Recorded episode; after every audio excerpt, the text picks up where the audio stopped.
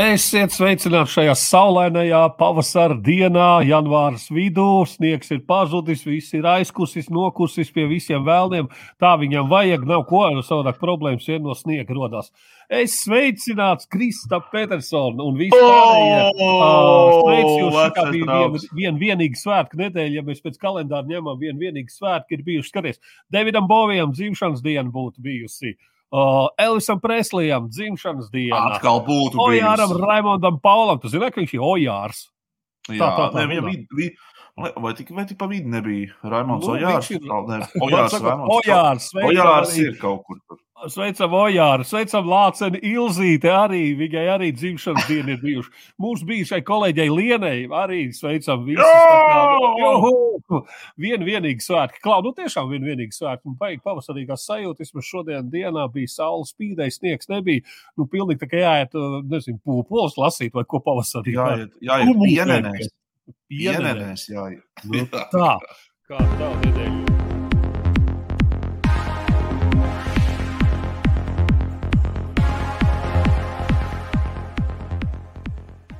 Atcerieties, es jums teicu, ka ir jāņem bungas līdzi. Nu, sāksim atkal ar mūsu varoni, vai ne? Kurš gan cits, ja ne Aldis Klau. Viņam ir nebija kāds svētki šonadēļ. Nu, ne? Es nezinu, viņam svētki ir katra diena, katrā gadījumā uzmanības trūkums ir maksimāli jaušams. Es kaut kā biju baigi palaidis garām to sāgu, ka viņam esot tagad, ka viņš tagad tieko pasūtījums slepkavībās, tur, kur tur nekur ka viņa, viņš esot pasūtīts, nu tikai viņš zūmēs nost, un viņš ir publicējis kaut kādus brīdinājumus, kaut kādus tur īziņas un ziņas, kur viņam cilvēki brīdina, jo, jo tā īstie killeri dara, ka viņi sociālos tīklos izziņo, jo mēs iesim to un to zūmēt nostoju, ne tā, tā kā reku tikos, tikos nāciet skatīties, ņemiet līdzi, jā, siltus pledus ah. un malku un, un, un skatīsimies, kā būs. Un tad, protams, ka, ka kā lai saka, sociālos tīklos bija pavilku uz zobu manām pašu pasludināto švītiņu un, un, un vana bija, nezinu, karalu pasaules. Tur es mazliet precizēšu, tur nebija tā, ka tie slepkavas vai kaut kāda slepkava wannabe gribēja tur izpausties sociālos tīklos. Tur bija tā, ka viņam sāk sūtīt uh, visi tie, nu, kā saka, viņa kartupeļu draugi, sāk sūtīt brīdinājumus, ka jā, es jā, kaut jā, kur dzirdēju, es kaut kur dzirdēju. Nu jā, es domāju, ka tu tā kā Nu, jā, nē, nē, nē, nē, es domāju, ka viņš pats sev ir sūtījis. Un, un, un, jo, nu, kā, tu vienmēr domā, ka kaut kur, nu, kā, katru reizi tas tā kā skolā, vienreiz tu nokavē, nu, labi, tur kaut kas tāds, otrais, un tu domā, nu, kaut kāda lielāka attaisnojuma vajag, ka tev nav mājas darbs izpildīts. Tad saka, ah, man suns apēda mājas darbu. Trešajā reizē tu neieradies skolā, kāpēc mums bija vecmāmiņas bērēs. Ai, nu, žēl, jā. Pēc tam, tu, beigās tev ir kaut kā tev suns, ir, to vien dara, kā ēst tavs burtnītis, un tev astotā vecmāmiņa ir nomirusi. Nu, kaut kas tāds. Un tagad Džeks ir kaut kāda izziņoja izdomājis, ka, nu, redz, viņš atkal, atkal ir uzmanības centrā. Nu, vismaz tā gribētu būt, ka viņš ir noķēris omikronu. Nu, Oh, atkal esmu. Nu, kurš, kurš nav noķēris omikronu? Ļoti būtiski, ka jūs nepaņēmāt bungas līdzi.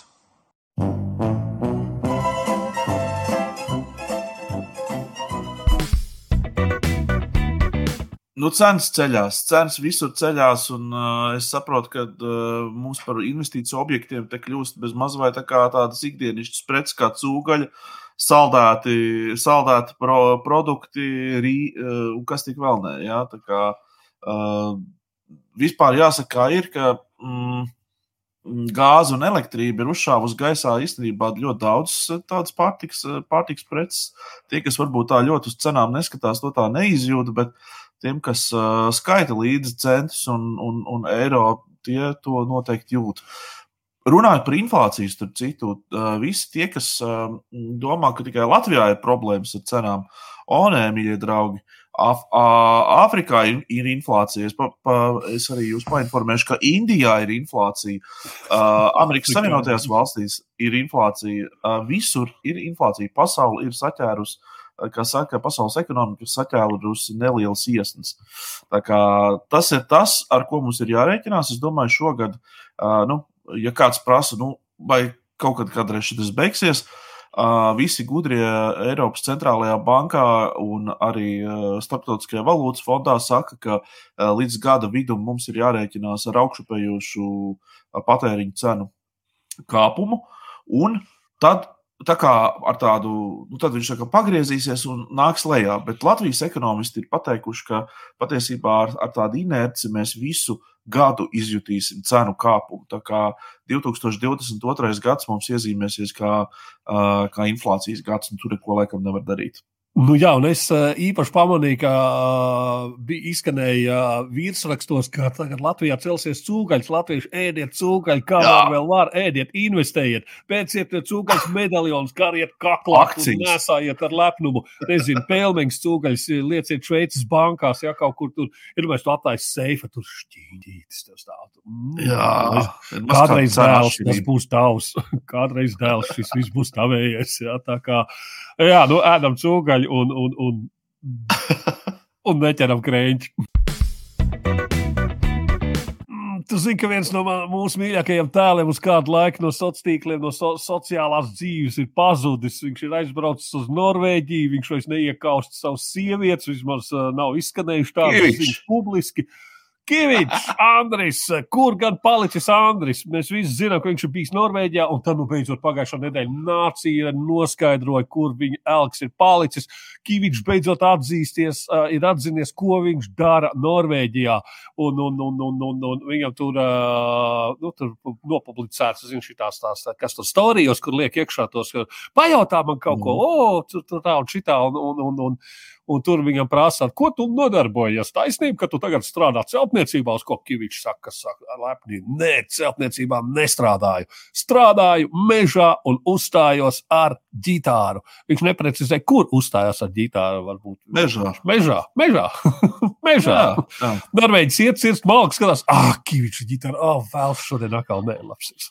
yes, Zini, kā ir, patiesībā jau tu, tas jau nav nekas celtniecībā vai naftas platforma vai vai, vai mežs vai kas cits. Tā Norvēģijā ir īstenībā ļoti cienījama, ap, labi apmaksāta nu, fizisks darbs, tur labi apmaksāts. Tā kā, tā kā nu, tādā ziņā visu cieņu. Nu, kā saka, nu, labi, neatliek ka, laiks ka, ka stūdībām.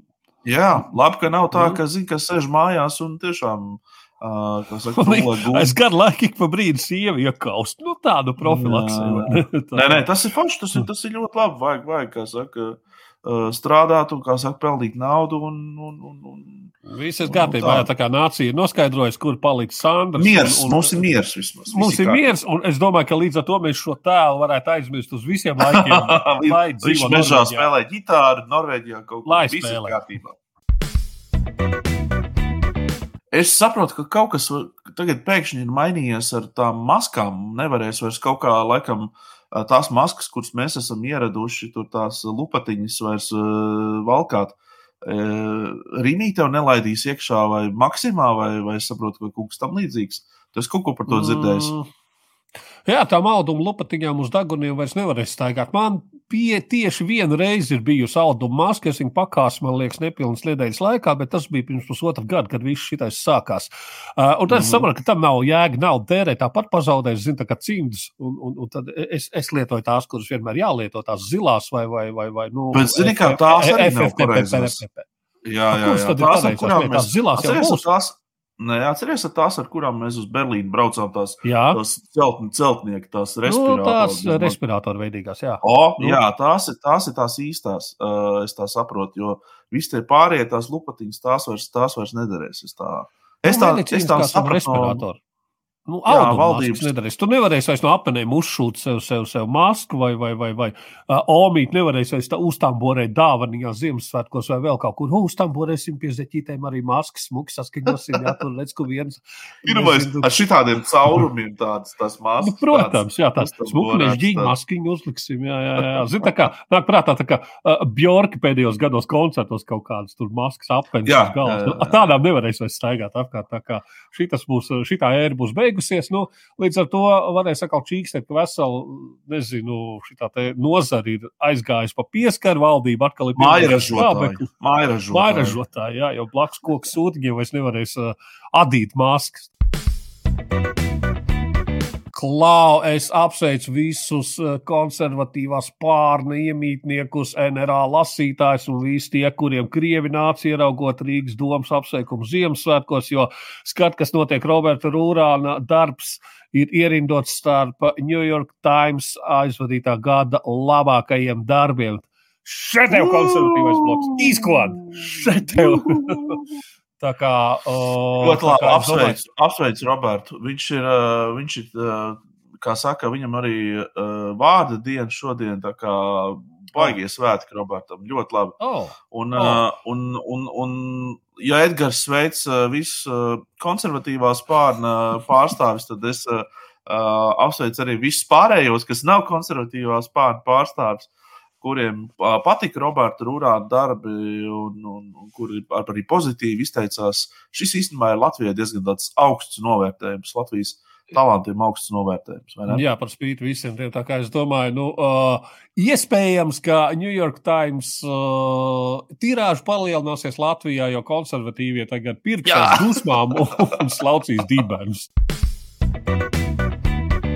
Vēl viens tavs favorīts, uh, Edgars, uh, boxers Mairs Briedis, par kuru tu mēdz teikt, ka boxeri naudu pelna ar to, ka viņiem sit pa galvu.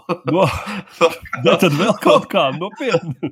Un tad ir Jā, valsts, kurā dzīvo televīzija, kur viņam raisa. Nu, lūk, tā kā viņš ir bijis diezgan daudz ringā un diezgan daudz sitienas saņēmis pa, pa, pa galvu, tad, viņa, tad viņš ir, nu, kā saka, nācis klajā ar, uh, ar, ar jaunu tetovējumu uz kājas. Es saprotu, ka tas laikam nav īsts tetovējums, bet nu, tas, tas jau nav, nav vairs tik būtiski. Svarīgi- viņš no kožļanītes tur uzlīmēja kaut kādu. Nē, nu, Henris kaut kāds. Nē, nē, nu, kā, nu, kaut kāds, nu, tie, kas ir tā, tās te tintas, tie, tie, tie Nu, tetovējumi. Un viņš ir uztetovējis uh, tādu potenciāli tādu savu pretinieku, uh, favorītu cīkstoņu, tādu YouTuber. Uh, es tagad neatceros pēkšņi viņu vairs vārdu, uzvārdu. Nav tik būtiski, bet viņš ir slavens YouTuberis, kurš boxējās. Ah, es domāju, ka tas ir YouTube. Nē, viņš boxējās. Viņš grib, kā, viņš grib slavu. Uh, Uh, un viņš tāpēc grib izaicināt šo YouTube. Tad, viņam tur ir miljoniem sekotāju, un, un uh, viena tāda cīņa viņam būtu ļoti ek ekonomiski un finansiāli izdevīga, protams. Bet kas notiek? Vispārējā tāda ierastā, saprātīgā boxa pasaule. Uh, viņi nu, smīkņā par šo te viņa gājienu par to, ka viņš tik ļoti cenšas uh, piesaistīt tā YouTuberu uzmanību. Uh, un te pasaule dalā, dalās divās daļās. Viena ir tāda, kas ir tā mazākā daļa, kas atbalsta uh, Maira brīža aktivitātes sociālajos tīklos, un tad ir tāda lielā daļa, kas saka, nu, ko tu tur rāksties, nu, ko tu tur muļķojies. Ej, kārtīgi ringā cīnies, un kārtīgiem večiem, un nav ko tur, kā saka, skolniekiem, skolnieks izaicināt. Bet zini, kas ir? Es teikšu godīgi, es esmu tajā pulkā, kuri ir tas mazākums. Uh, jo, zini, kā es ļoti labi saprotu Mairi un viņa komandu. Uh, viens šāds te, nu, saprot, kā ir. Ja tā paskatāmies boxe pasaulē, Mairas Amerikā īsti nav nekas. Mēs vispār neko, neviens neko par viņu nezina. Tas nekas, ka viņš ir ļoti spēcīgs cīnītājs Eiropā, iespējams, tur Eirāzijas tādā, tādā mm. -hmm. formātā, jā. Bet pasaulē, kopumā, boxe pasaulē, neviens viņu nezina. Uh, visi zina to kaut kādu klasisko top piecinieku, un viss. Un tad uh, šādas te iznācienas, viena pieminēšana vai kaut kāds mazs tāds piešķīliens tajā YouTube uh, pasaulē, uh, Mairim dotu baigo, nu, kā saka, izrāvienu gan finansiāli, gan popularitātes ziņā. Viņš sāktu braukāt uz Amerikas ciņām, un, un tur tās naudas jau ir uh, desmitos miljonu. Nevis, teiksim, tā kā mums te vienu miljonu par cīņu, un tad viss tā kā, jo, baigi forši. Tur tas mazliet tāds. Nu, bet viņš neiebrauks ausās, viņam beigās labi, viņš eh, tur tiks, bet tad viņš tur visādas YouTube Nu, nē, viņš, cīnīsies, viņš ir labs, spēcīgs cīnītājs. Viss ir kārtībā. Viņam jau tehnika un, un, un, un, un, un tā, tā viņa stamina, viss jau tur ir kārtībā. Viņš jau, kā saka, noturēsies tajā ringā. Bet, um, lai tiktu, lai tiktu iekšā tajā tirgu, iespējams, ka tev Nu, ir sevi jāpazemo kādu, kādu gadiņu. Jāpazemo Nu, tā kā- un jāiet TikTokā, jāspēlē, tur jāliek bri, briežu maskas uz, uz galvas un jā, jā, what does the fox jādzied, jā, nu, Okay, te- jā. Tā Tas, kā, ka nu- prāta vētra rietumu mūzikas pasaulē lauzās iekšā. Turpin Nu, lauzās kā mūzikas. Kā ar? Reiganiem un ko tik vēl, nu, viss, viss tika Jā. izmēģināts. Uh,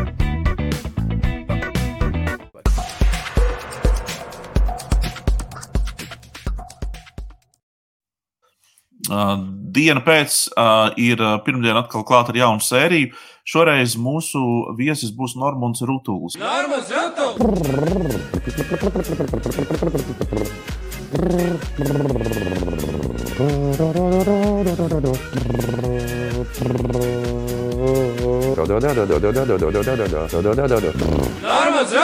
Viņu iztaujās neviens cits, kā uh, arī viens no dienas pēc dibinātājiem un autoriem, Oskars Prieda. Viņš arī ir mūsu uh, viesis.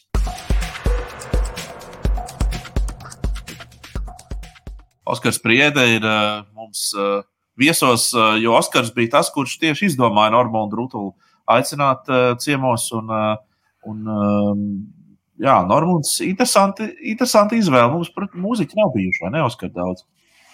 Galīgi nav bieži daudz. Jā, par Normālu Rutulis jau īstenībā domāju, nu tā, ne jau katru dienu, bet Oh, my! nu, šādu tad iedomājos. Tad, iedomājos, ka vajadzētu paaicināt kā, kā dienu pēc viesi, nointervēt. eh, Man bija bijušas ar viņu nelielas tādas miedarbas vai kaut kādas sarunas ļoti īsas, un es domāju, ka viņš man tā īsti nepazīst. Nu, lai gan es viņu zinu, jo visu Latviju viņu zina. Bet tajās īsajās eh, sarunās man bija palicis atmiņā, cik viegli ar viņu sarunāties. Viņš vienmēr smaida, eh, viņš māca klausīties, būt ieinteresēts sarunu biedrs. Un es domāju, par to vien ir vērts ar cilvēku sarunāties, kā viņš to praktizē, kā līdz tam ir nonācis, vai tas ir dabiski, vai tas ir iemācīts. Un plusā vēl taču viņam ir tā skatuves dzīve un viss tas viņa atpazīstamība un tā. Radio. auditoriem. Mm. Tāpēc, jā. Jā, ļoti interesanti. Es, sarunu, es, kla- es klausījos no malas, man saruna likās ļoti, ļoti interesanti. Un, uh, un es domāju, ka tur ļoti daudz cilvēku iegūs. Uh, šī ir tā viena no varbūt tādām retajām reizēm, kad mēs trāpām tiešām informēt, izglītot un izklaidēt uh, vis, visos trīs punktos pēc apmēram vienāda balansa. Tā kā tā, zi, tā ziņā es nezinu, vai tas tev tā speciāli tu uz to gāji, vai tas tev tā sanāca, bet tā saruna tā labi, labi Jā, ieviesījās. nu, es domāju, ka tas tā sanāk. Un tas jau nereti man šķiet, ir ar tiem cilvēkiem, kas ir um, nu, kaut kādus augstumus sasnieguši, ka viņi ir tādi daudzšķautņaini. Ja, un tad, tad, protams, ka ne, tas negarantē automātiski, ka tā saruna būs tā, kā tu raksturoji. Tur uh, daudz šķautņaini, ja, bet, bet šā gadījumā tā sanāca. jā. Mm. Mm -hmm. uh, īstenībā, ko mēs varam mācīties no Normūna? Piemēram, tu esi, runa, tu esi runas, runas pasniedzējs, lietišķās komunikācijas treneris. Un, piemēram, vai, vai tevi, tevi kaut kas, nu, tā kā, ne, nu, varbūt pārsteigt, ir varbūt pārspīlēts termins, bet kaut kas tāds, ko tu, piemēram, liktu aiz auss visiem, kas, ko tu arī saklausīji un sadzirdēji, vai nu, no, no, no uh, Normūna puses. Par saturu es šobrīd tādu konspektu jums neiedošu, tāpēc es ļoti Tas gribētu, jāskatās. katrs- Lai katrs noskatās šo epizodi, šo interviju. Tas, kas man pašam likās diezgan tā interesanti, kad man reti tā ir īstenībā, kad es sēžu nu, saka, ar sarunu biedru, un viņa balss tembrs ir ievērojami zemāks par mani. Man tā nav. O, jā. Jā, Skauda, jā. jā, jā, jā taisnība. Viņam, Man viņam tā nav jā. Tāpēc, ka es Jā, jā, savu jā. balsi esmu nostādījis, un nu, man, man pašam tā manā ausīs skan diezgan zemu. Un parasti nu, es tā jūtos komfortā. Un tad blakus Normandam Rutelim man kaut kā likās, ka es te tur kaut ko tā kā pīkstu bez mazai, jo tas viņš sāk runāt. Tur ierezonē, ierezonē tie, nu, tie kādi tur tie reģistri, ja, nu, tad ir to, Mhm. Jā. wow, nu, jā. Nu, var sakot, šo epizodu nevajag klausīties uz akustiskas sistēmas, uz basiem uzgriezt, izpūtīs ārā basus. Tas papīrs. Okay. Nu, ļoti labi. Forši no, Normunda epizodi skatāmies pirmdien. Paldies, Os- Oskar, ka uh, paviesojies un pareklamēji. Uh, mēs ar tevi droši vien tiekamies nākamajās uh, dienas pēc epizodēs. Jo īstenībā tu jau katrā epizodē piedalies. Tu tur kaut Jā. ko, tu esi, tu esi visu laiku Tu nemaz nezini, bet tu piedalies. Tu piedalies. Vai es zinu, gan tik trakā. Jā, jā, Ok. okay. forši, forši. Rolējam uz priekšu, jā. Paldies.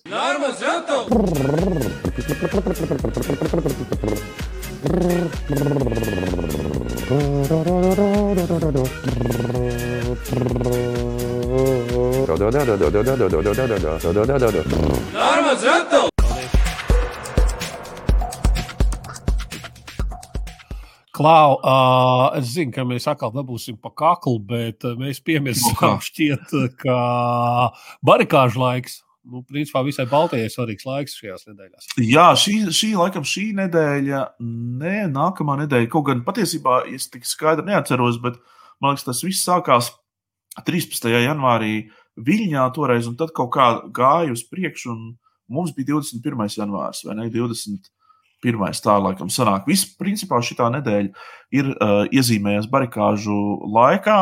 Uh, uh, un jāsaka, ka mēs šoreiz neko par to neteiksim. Pa, paskatīsimies, kā tie notikumi būs. Varbūt pakomentēsim kaut ko nākamreiz, bet mēs esam studijā aicinājuši mūsu Baltijas korespondentus. Tā kā šis ir arī panbaltisks notikums, parunāsim par notikumiem, kas ir uh, pēdējo divu nedēļu vai trīs nedēļu laikā, uh, kādas ziepes ir savārītas Baltijas līmenī.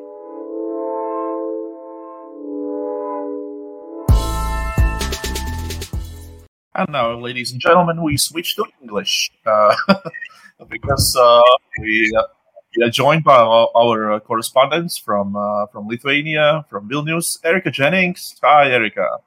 Hi! Hello.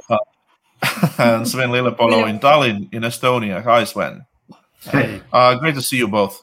Uh, let's start with Erica. Um, Erica, I, I know that um, we, we are not probably asking you something what's going on in Lithuania because uh, there's um, so many things going on in your world. Mhm. Uh, and uh, and and uh, please tell us uh, what happened uh, this week, basically. This week. Uh, okay. Oh no, Uh, last week, or basically the last sorry. last two weeks. Starting with last week. Okay. okay. Yeah. Um, so yeah, so Eurovision started, and uh, uh, yeah, so I, I did well in the in the first heat, call it that, of the national selection, and so now I'm going to semifinals, and that should be. It's going to be pre-recorded on 24th and 25th, and so there's a whole bunch of stuff that's going into that because um, I liked how it all went, but I decided that I'm going to change the the, the concept with the dancers. so now I'm, Wow. I'm doing for four female dancers. Actually, uh, three three female, and there'll be one um, drag. All right. And so the the idea is to because the song is is previously for the first performance the song was more about talking about the the failed kind of relationship side of things and how back to myself and stuff but the song the message of the song was also very much about female empowerment and kind of you know just um, wearing your your your mistakes and wounds and failures like a crown and celebrating because it's all a part of growth and life and learning and everything else so changing the concept a bit for the semifinals. So my world is quite crazy at the moment. Wow, I can yeah. Yeah. I can imagine. I can only imagine. But uh, what those twelve points mean? So so when you went to semifinals now, uh, you you earned twelve points. So this this is something that sticks sticks with you on the next level, or you start from zero actually again. Start from zero. Oh, Oh, Yeah. you're getting okay. That's good. And But it doesn't accumulate or anything. it doesn't No. accumulate. ah, That's, that's so it's sad. okay. I've done it before. So- Yeah. Because But it's- it's uh, I- actually- but it's better this year because just wanted to point out one thing. Previously, it was like 14 shows, 14 Oh. weeks. where You're singing Yeah. the same song. And this Oh, time it's crazy. six.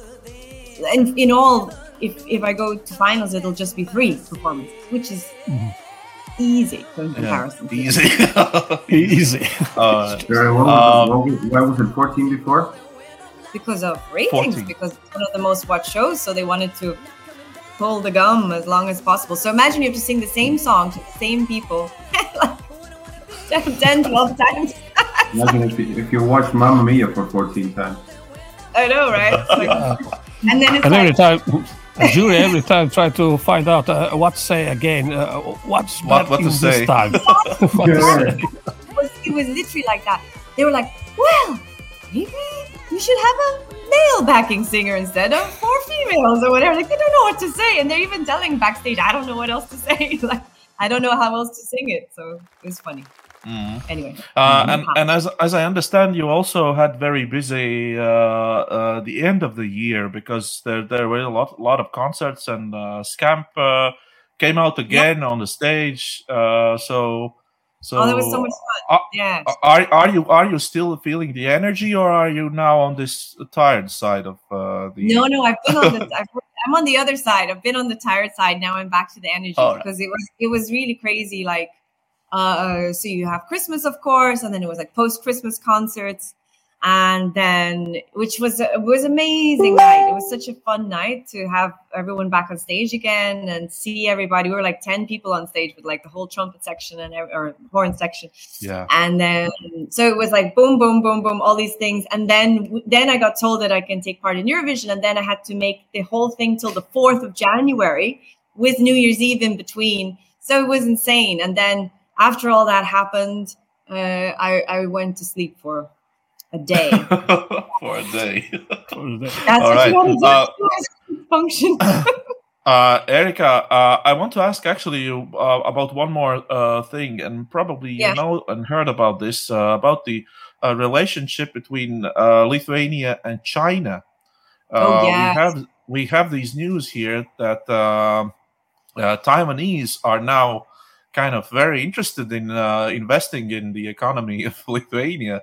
Uh, so, uh, can you uh, describe the feeling in, inside Lithuania? How how people feel about the this ca- causes, as we can maybe call it, or I don't know how you could call it. Well, it's really interesting because um, it's quite uh, so not as clear cut as sort of vaccinations, pro or against, because there's quite a lot of people who who are not uh, thrilled at the idea of of like it's really strange because we were talking about this yesterday and today because it's it's January 13th. So we're we're there's the anniversary of the TV tower, 1991, when 13 people were killed at the TV tower. So there, you know, there's those um, remembrances happening.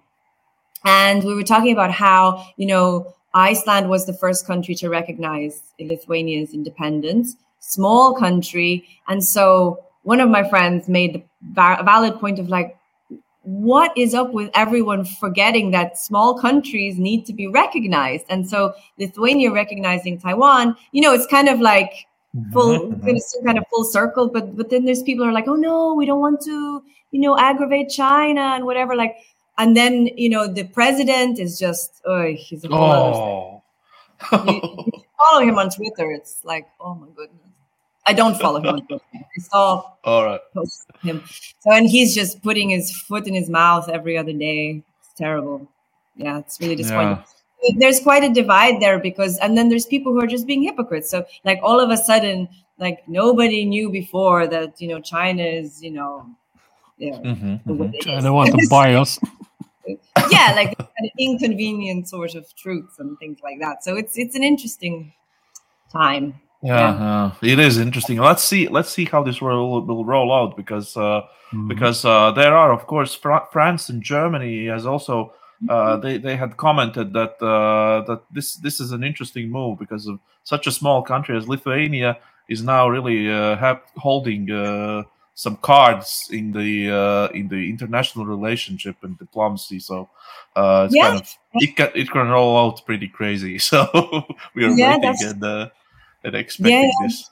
And we just we just heard the news stuff about Taiwan wanting to you know invest. Yeah, like you said, it's like one billion into into to funding microchip microchip and uh, microchip factory and and and funding for for for healthcare and whatnot so it's crazy Well, right sven let's now move to um, to you to tallinn. So sven, sven so uh, news from from tallinn came here because uh, because of bolt. Uh, we all also know in Riga Bolt here, uh, the service, uh, and it secured the financing of uh, 628 uh, million euros, and it's now the largest, probably the largest uh, company in uh, in Baltics, 7.4 billion in in valuation. Wow, that's crazy. But you haven't noticed that. to be honest, I think it's it's it's uh, far more far more visible elsewhere than it is here because uh, it, it was probably in the papers, but uh, you know, it's not like like it's making uh, top headlines uh, here. And Oh, what you have to remember about startup valuations in general is that this is in essence virtual money, so it's not like it's uh, like there's, really there's not really value. seven billion in their in their bank account or something. It's just you know. yeah, yeah. But uh, in Latvia, we are we are uh, having these uh, headlines that Bolt is now very near uh, in the valuation terms uh, as uh, the budget of Estonia. So Yeah, I So, think we're at it's 11 good. million or something. Billion, sorry. Billion, Yeah. whatever. whatever. All right. So I, I- I think that's uh, it's kind of true that when you say that uh, the, this is not news in Estonia because it may be so it, it's such a large uh, large uh, like a huge news then then then you cannot see it. We, we can see it And it's also- far, I- far, I- far, far away. And it's also, I mean, I think they raised the previous rounds. It, it, it was some months ago. It wasn't like a long time ago. So, uh, and I don't, I don't remember what the evaluation at that point was, but, uh, but yeah, so it's, uh, So have so these, uh, do they, they do this on regular basis. Uh, yeah, so- I mean, so- and you see these no funny news all the time. So it's, it's not like it's uh, anything, uh, out of the Okay, ordinary. But what is what is now actually in Tallinn? So what what are you all people talking about in public transport or on, on streets? Oh, electricity prices. Oh. Sure, yeah.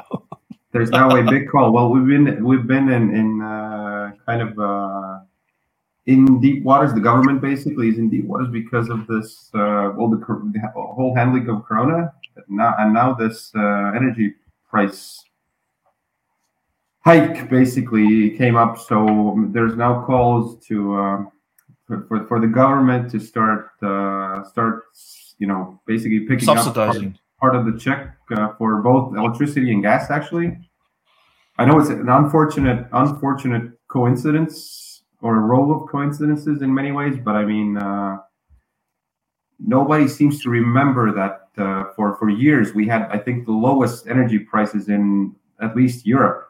So uh, nobody, you know, nobody remembers that for some reason. So it's, uh, you know, and, the, I think Finland actually has. I think their energy prices are like half of what we have, but then the problem there is connections to Finland and the uh, transmission power, basically, because we only have the two cables, and, and otherwise they could sell the the, uh, the wind energy from Finland.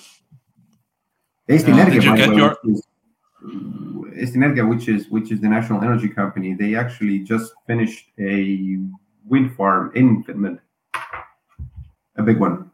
Hmm. Mhm. So but we can't use it because our uh, our cables are too. I don't know what do you call Narrow. them? Narrow, Too yeah. narrow. well, uh, Sven, did you get your electricity bill? Haven't No, I haven't actually. I don't. I, I I rent here, so I haven't really. I don't get one. So I'm. Uh, and also, oh, the and the new national sport here is to post uh, photos of your uh, electricity bill on Facebook. Yeah, here too. Yeah, everybody does this now. So I was kind of, you know, I had this fear of missing out because uh, I don't, I don't have this bill to post. So what am I supposed to do? Start posting, uh, I don't know, kittens and, uh, and puppies again, or uh, oh. Uh, you say, uh, Erika, you say that uh, it's the same in uh, in Yeah, yeah. Lithuania. yeah, yeah, because Wow. it's ridiculously high now. I mean, literally, but this, bill is like three times more than it was last month, and I didn't do anything different. So it's insane. it's and it's also, I mean, it's also, it's all these. Uh, uh, obviously, this is, this is, I would say, even uh, promoting some kind of, I don't know, class hatred or something. Because it's, it's mostly like, you know, celebrities or wealthy people uh, that probably don't have a problem paying that bill, but that's that's the stuff that ends up in the in the media and on Facebook, basically. So now everybody else is saying like, so I mean, what do you care? What are you complaining about? So what are you complaining about? You have the money to pay for it. yeah. Well, but um, Yeah. I think uh, sooner or later we, sh- we we somehow need to adjust to this situation because, uh, as you Sven said and rightly said, that uh, we have had the, the lowest uh, the lowest uh, rates um, in, in, and have been very blessed with uh, with this situation. So now when it's uh, kind of adjusting to the market, all the prices. Uh, it it it, it will be crazy, and I think that Yeah. will- we, we will see some And again, again, this is probably the first time since the energy market opened that people actually start realizing that uh, Mhm. that's how that's how a free market works, in essence. So uh, you know, Yeah. Yeah. Yeah. That's yeah. So uh, we need to earn more. That's that's that's it. Uh, That's need it. You you know, uh, summer is coming, and, and, and there will be sun. uh, sun is up, yeah. and Next warm time we'll hear about this is, is when the cold comes in. Uh, I don't know, November or October. Or Yeah, next year. That's, Or no, Yeah. yeah. that's the next time, basically. Yeah. All right. Okay. Uh, this was the uh, the our bulletin, uh, special bulletin, uh, the Baltic uh, news from uh, our correspondents in Lithuania and Estonia. Sven, thank you very much.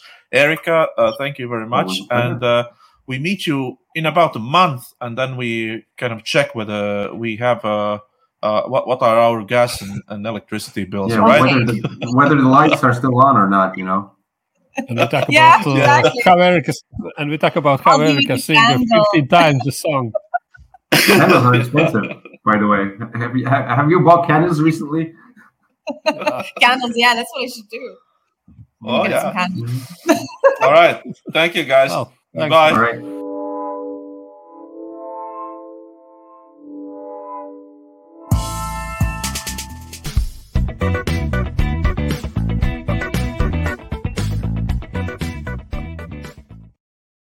Twitteris, Twitteris, aiziet Twitters.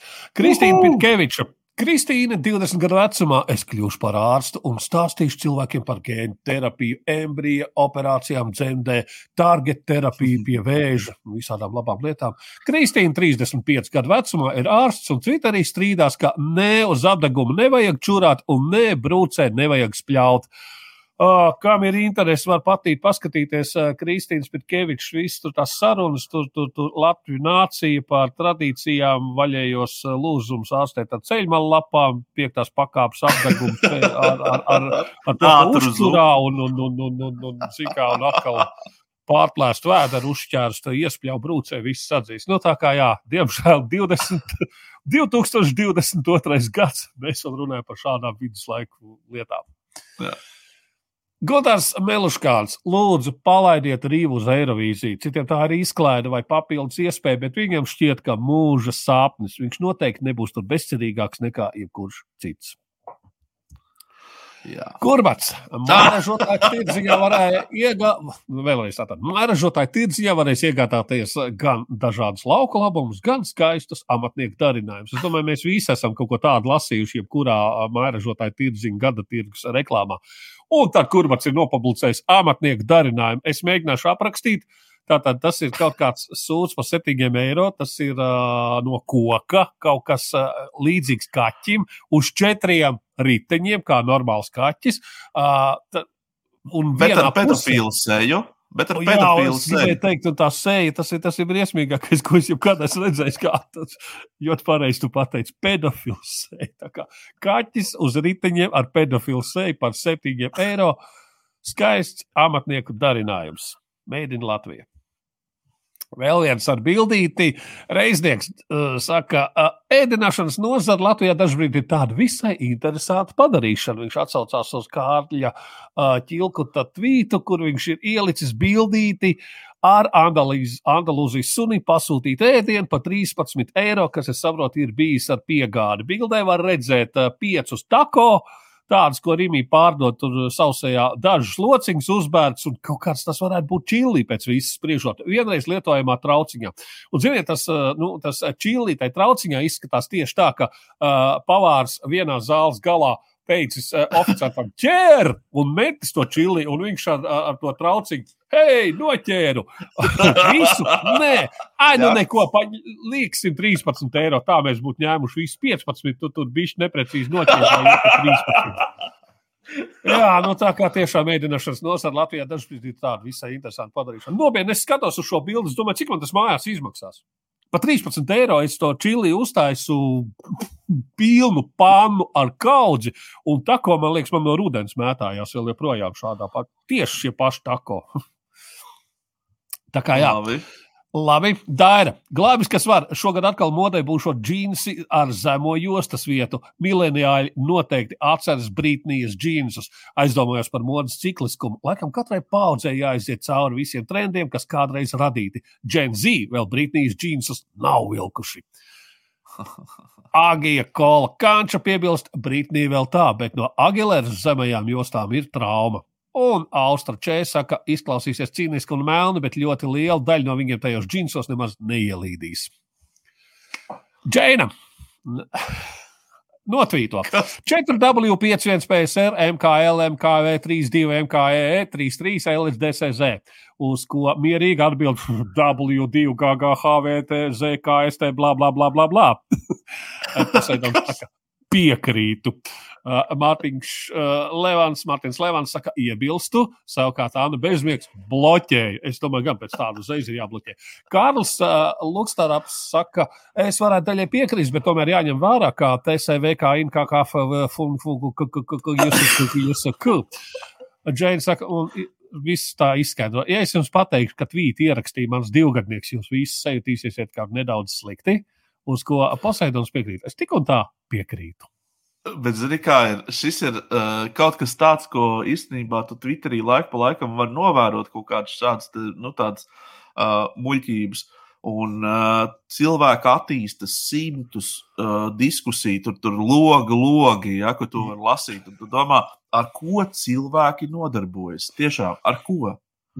Atcerieties, bija uh, žurnālam ir bija forša akcija par to, to, to Twitter, kur Putniņa rakstīja tās zīlītes, ka knābā. jā, jā. Nu, tas ir kaut kas tāds pats, divgadnieks palaiž pie klavieres un tā, bet jā, nu, tā kā viens no tādiem labākajiem. Nu, tad es gribētu noslēgt uh, visu šo twitterizāciju šajā reizē ar uh, šīs idejas labāko. Alis Pabērza vaicā, kādas krāšņas apzīmējumus tu zini, kurus izmanto, lai aprakstītu nevisai gudru cilvēku. Viens no maniem iecienītākajiem ir, nav visas krūzītes, trauki skapītī. Nu, pat lasīju daži zirņi no pākstas izbiruši, un arī šis varētu būt mans nākamais absolūtais favorīts. Kā var redzēt, 261 atbildi uz to brīdi, kad es šo tvītu tam screenshot uztaisīju. Nu, tur viss atbildes, ko mēs zinām. Nu, pilnīgi viss tur pa lielam nekā baigi interesantā un jauna nav līdz vienam brīdim. Uh, Linda Rautainen saka, Somijā saka, nav visi mumini ielējā. Toms Lūs, galvenais nesaka šito prātu vētras ceļiem. yes! Labs! Man viss.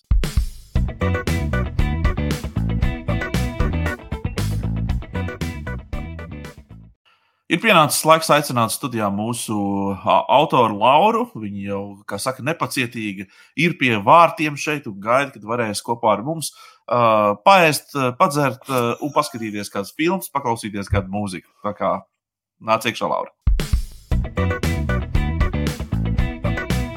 Nu, labvakar, kolēģi! Mēs sakām, esam te skaisti sanākuši kopā virtuālajā savā garažā. Čau, Laura! Metaversā, metaversā.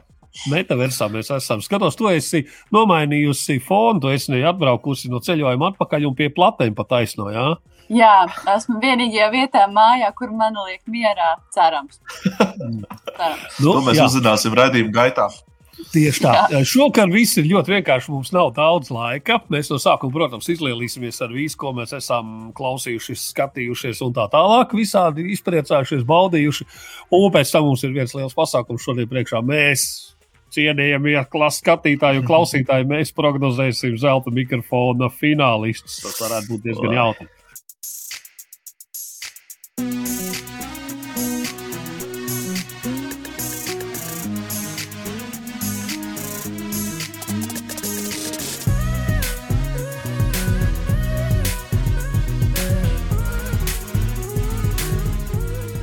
Ko jau gana kālu?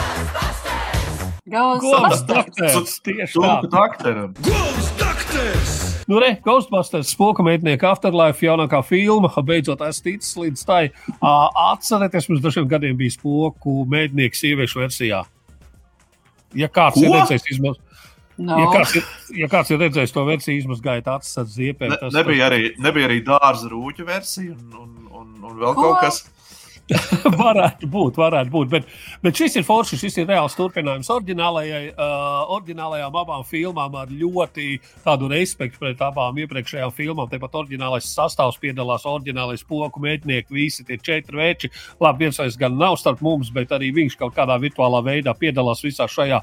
Ir ļoti forši tāds uh, skaists reverants uz tiem laikiem. Nu, protams, ka spiež filmu tikai un vienīgi uz nostalģiju, uz ko gan vēl tas varētu spiest. Man bail vienīgi, kas būs tālāk, tad, kad mēs būsim izgājuši cik labi cauri, ka visas, visas filmas tagad spiež uz kaut kādu vecu filmu nostalģiju, kur mēs nostalģēsim pēc tam. Bet visādi citādi forši piedzīvojumi filma, nu, kā jau spoku mednieki, tas nevar būt, tas nevar būt garlaicīgi, tas nevar būt. Uh, Bez piedzīvojumiem, un mazliet arī spokiem, protams, kā savādāk. Tā kā uh, iesaku gan oriģinālo filmu faniem, gan visiem citiem, kuriem patīk Stranger Things un tam līdzīgs. Uh, O, šeit mēs ar Lauru varam izpausties, vai ne? jā, jo man, godīgi sakot, nav ne mazākās idejas, kas tas ir. Es domāju, ka es pareizo bildi atradis. Laura, sāc tu, jo es esmu, es esmu Jā. noskatījies tikai piecas sērijas. Un, Okay, mēs skatos, tur runājam par 16 seriālu manifestu. Jā, par Netflix eh, top 1 Latvijas šobrīd manifestu seriāls. Es, es ļoti, ļoti centos noskatīties visu pirmo sezonu, lai es varētu to izstāstīt. Tad nu, no A līdz Z, kā man patika. Un tā, teikšu tā, ka es to neizdarīju. Es noskatījos 11 sērijas. Un pēc tam sākās liels mocības, jo man apnika. Un, un man vispār īsti neinteresē, kā beidzās tā pirmā sezona. Sākums īsumā stāsts tātad par to, ka ir nu, tāds varbūt es varu izstāstīt to Jā, stāstu. tu Es tā ātri izstāstīšu. jā. izstāstu. Tā Tas, var sakot, tas stāsts ir tāds, ka paceļās lidmašīna. Uh, vienā vietā nosēžās otrā, bet izrādās, ir, pagājus, ir pagājuši pieci pusi gadi. Uh, un tie cilvēki, protams, viņiem tas ir bijis parasts lidojums. Mm. -hmm. Savukārt visiem tiem, kas ir uz Zemes, visi radinieki, uh, vispār visa dzīve ir, tur ir uh, pagājuši, pie, pagājuši pieci ar pusi gadi. Un tur kā nu kuram dzīves ir nomainījušās, un, un laulāk tie draugi, un, un kas tur vēl nē. Un, un tad līdz ar to tās visas sarežģītības iet caurvējās caur to, kā viņi risina un mēģina atrast to atbildi uz jautājumu, kāpēc viņi uh, izlaida pieci ar pusi savus dzīves gadus. Nu, tā īsumā. Jā, Uh, un nav kaut kādas, ir vēl kaut kādas visāds, 36 seriāli par šo tēmu, par pazudušiem Jā. lidmašīnās un tā. Jā, tā ir. Sākumā likās aizraujoši, tā kā ievilka tas stāsts. Jo nu, tieši tās attiecības, kā viņi atrisinās to, ka tur ir, piemēram, divu brālis un divu māsu, un viena ir kā, jau atlidojusi laicīgi mājās ar māmu, meitu, un brālis ar tēti atlido pēc tam pieciem pus gadiem, un viņām jau ir izveidojusies jauna ģimene. Tas man likās interesantākais. Nevis tās spekulācijas tur no valdības, Jā. kur viņi mēģina saprast, kāpēc tieši šie cilvēki un kas tur tagad būs, un tagad tur viņus izmeklēs. Un, jā, un, ja godīgi, baigi garā tā pirmā sezona, tur ir 16 sērijas. Es cerēju, ka būs 10, un tad es būtu noskatījusies. Un tagad ir tāds, un vēl ir trīs sezonas kopumā, un būs vēl Oh, jā. ceturtā. Un Nedodiet vairs. tālāk. Ne- es nevajag. neskatos. Nezinu, Bet, zini, kas. Laura? Nu, Tev, tev nelika, nepalika tāda sajūta, ka tajā brīdī, kad apmēram atrisinājās visas tās attiecību šķautnes, tajā brīdī arī apnika skatīties. Nu, es Jā, nezinu, kā jā. tev. Ja? Man liekas, ka tajā brīdī, kad tikai sākās visas tās spekulācijas par un ap to, kādā veidā tas notika, tas vairs paliek garlaicīgi. Bet tiem, kas grib noskatīties, piemēram, kaut vai tās pirmās piecas sērijas, kuras es esmu noskatījies, jā. nu, tik tālu ir interesanti. Cik, cik tālu tu tiki? Uh, Es līdz vien- 11. Ah, Bet tad ar tu mocībām tās pēdējās. Jūsu dēļ centos. Ak, tā. Mūsu paldies! Okay, man liekas, ka tā ir Tērēs tālāk, ka traileri neturpināšu. Kaut kā liekas. Nu, var neskatīties, var izlaist.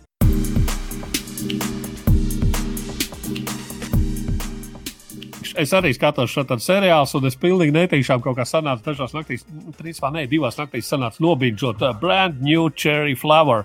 Uh, kas tur notiek? Tur Vanabi režisori ierodas Holivudā ar ģeniālu filmu. Protams, kā visu Holivudu viņi tūlīt iekaros, bet viņi satiek kaut kādu slikto menedžeri, kurš viņai to filmu tā kā nosper. Nu, ko meitene aiziet pie raganām, lai atrieptos tagad tam menedžerim, un tālāk seko kaut kas tāds starp uh, Davidu Kronenbergu un Davidu Līnču tāds nepārāk viegli izskaidrojams, viegls sviests ar mistiku, ar visām tādām, tā, um, tas, ka meitene uh, ik pa brīdim izvēm dzīvu mazu kaķēnu, nu, tas ir tas mazākais, kas tur notiek. Tā, tas ir diezgan liels, nu, kā jau teicu, ar Kronenbergu un, un, un, un, un, un, un, un šo te līnču. Jā, tā kā kaut kas pa vidu, tur tāds, nu, tāds kičīgs, tāds, tāds, tāds pīcis un alus formāts. Tā kā var pamēģināt, ja, ja ir vēlme kaut ko mazliet tādā stilā paskatīties. Okay. Kaķu mīļiem seriāls.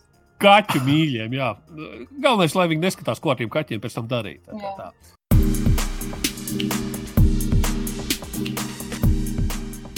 Vesterni! Jā, The Power of the Dog. Vai es esmu vienīgā no mums trīs, kas ir noskatījusies šo filmu? Nē, esmu šo redzējis.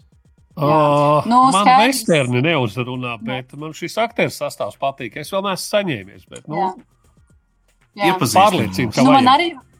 Jā, uh, nu, protams, viņa ir tā, kurai tagad, nu, nu, iespējams, būs Oskars, jā, un arī Golden Globes bija gan kā labākā filma, gan tur aktieris, un, un vēl kaut kas tur bija. Uh, otrā plāna aktieris. Un arī ar šo bija tā, ka es, es piespiedu sev noskatīties, jo es gribu redzēt visas filmas, kas varētu būt nominētas Oskariem. Un šī noteikti mm -hmm. būs. Tad nu sāku skatīties, un, un tas sākums bija tāds, ka man gribējās vairākas reizes neturpināt. Tīri tāpēc, ka viņa bija ļoti lēna. Un nav pierasts pie tiešām tik lēnas filmas, ka tu nesaproti, ir stunda, ir divas. Uh, uh, Filma ir divas stundas gara, un pusotru stundu tu skaties. Ir ļoti glīti, ir ļoti izcila aktieri, bet tu nesaproti, kas tur notiek, kas tur būs. Un, uh, un, un pēdējā pusstundā Ka sižeta līnija tu nesaproti? Bet tu sižeta līniju un- un tad nesaproti. tu sāc- Ko lūdzu? Tu Ko nes- nesaproti. Vai Tu, kā? tu, nē, nu, tu saproti, kas tur notiek, bet kāpēc? Nu, Ah, ok. Kur ir kaut kāda jēga? Uh, jo, nu, jā, ir smuki, bet kur ir tas, nu, tā tēma vai tā jēga, nu, kas parasti filmas caurvīja. Un, um, bet pēdējā pusē es, es priecājos, ka es noskatījos un, un izturēju to sākumu, kas man likās varbūt nedaudz garlaicīgs, jo beigas bija wow. Un uh, es ieteiktu noteikti noskatīties, jo tas ir citādāks kino. Tā nav filma, kurā tu sākumā jau zini, nu, aptuveni, jā, skaidrs, kas Risinājumu. būs, par ko ir Mhm. runa, kāds būs beigas. Un tikai tagad, man uh, vakardienas pabeidzu viņu skatīties, man ir tā pēcgarša, ka es saprotu, sāku saprast lēnām.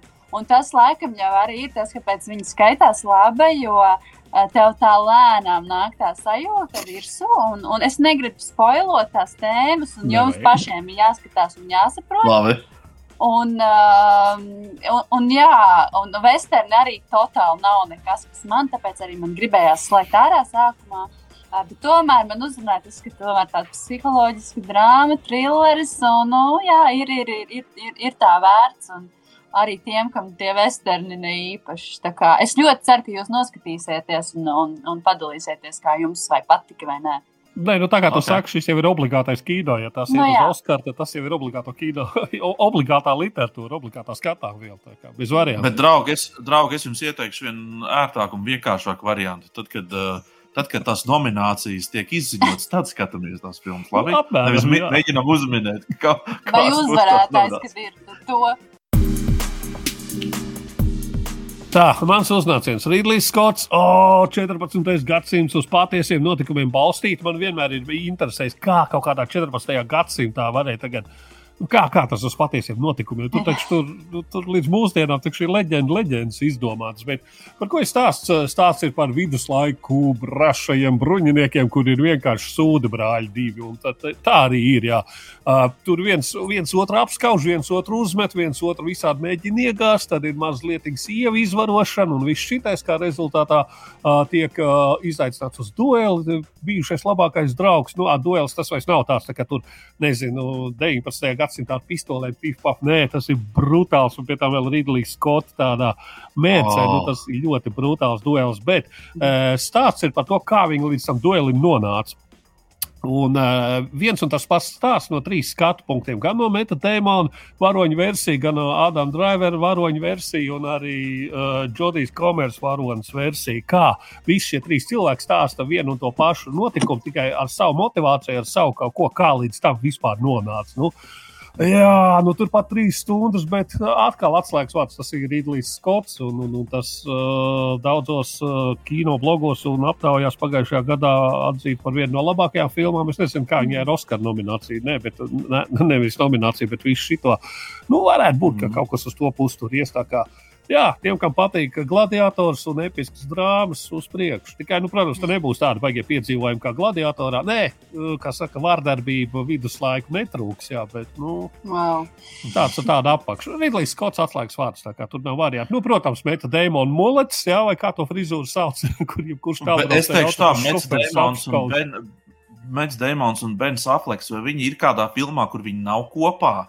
Ē, Šī varētu būt viena no tām retajām filmām, kur viņi neākstās kopā, ja? kur, kur, kur ir ļoti nopietnas lietas. ir. Bens Afleks arī starp citu, diezgan ilgs laiks pagāja, kamēr man pielēc, ej, bet tas ir Afleks. Gads ir sācies ar uh, jāstrām dziesmām. Laura, sāc. The Weekend Down FM albums. Labākais šī gada albums. Varam to teikt, uh, janvārī 14. Jā. Un, uh, manuprāt, uh, jo vispār bija tā diezgan garlaicīgs tas gada sākums, kad gaidi, nu, kā, kad būs kaut kas, kaut kam, tad The Weekends pacenties. Un, Un, uh, man patīk, es teikšu, kā ir. Es sākumā noklausījos, un, un, un uh, uzreiz jau ar sirsniņu atzīmēju Spotify pāris dziesmas. Un tad pēc tam es sāku lasīt, kas tu tur ir piedalījies, tur Jims Kerijs ir ierunājis to un konceptu albums, kur, kurš ir domāts tā kā tāds. Uh, nu, radio, ko tu klausies, tāds 80. gadu, kaut kāds tur disko, kaut kas nu, ļoti liels, tāds disko, nu, ne disko, bet 80. gadu vibes, mm. kā jau vispār weekendam, jau visās dziesmās, man liekas, Mhm. tā ir. Un, uh, un, un šodien es pat vēl tur pieķēros dziļāk, palasīju dziesmu tekstus, un, un man patikās. Un arvien vairāk iepatīk šis albums. Es tiešām tādu stabilu astoņi, astoņi ar pusi dodu.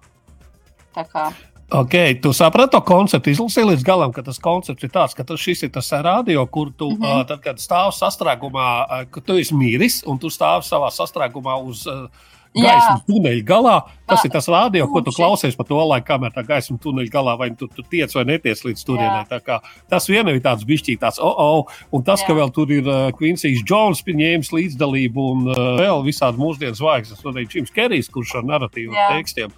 Tas to visu paspildina. Uh, protams, ka tas izklausās baigi brīžiem pēc Michaela Jacksona brutāls kopēšanas, brīžiem tas pēc Daft Punk reāls kopija paste, bet, nu, jā, tas, tas neiet kopā, varbūt tas, tas, tas, tas gaisma tuneļa galā, kas, eh, iedomājas, ka šis ir tas albums, ko tu klausīsies pēc nāves, jā, kaut kur Nē, tunelī nu, stāvot sastrēgumā. arī tie teksti brīži. Jā. Jā. Un, bet ir labi, man weekends katrā ziņā arvien vairāk sāk iepatikties. Es ļoti gribētu, jo skatījos, vai uz kādu koncertu nākamgad varētu mm. aizšaut.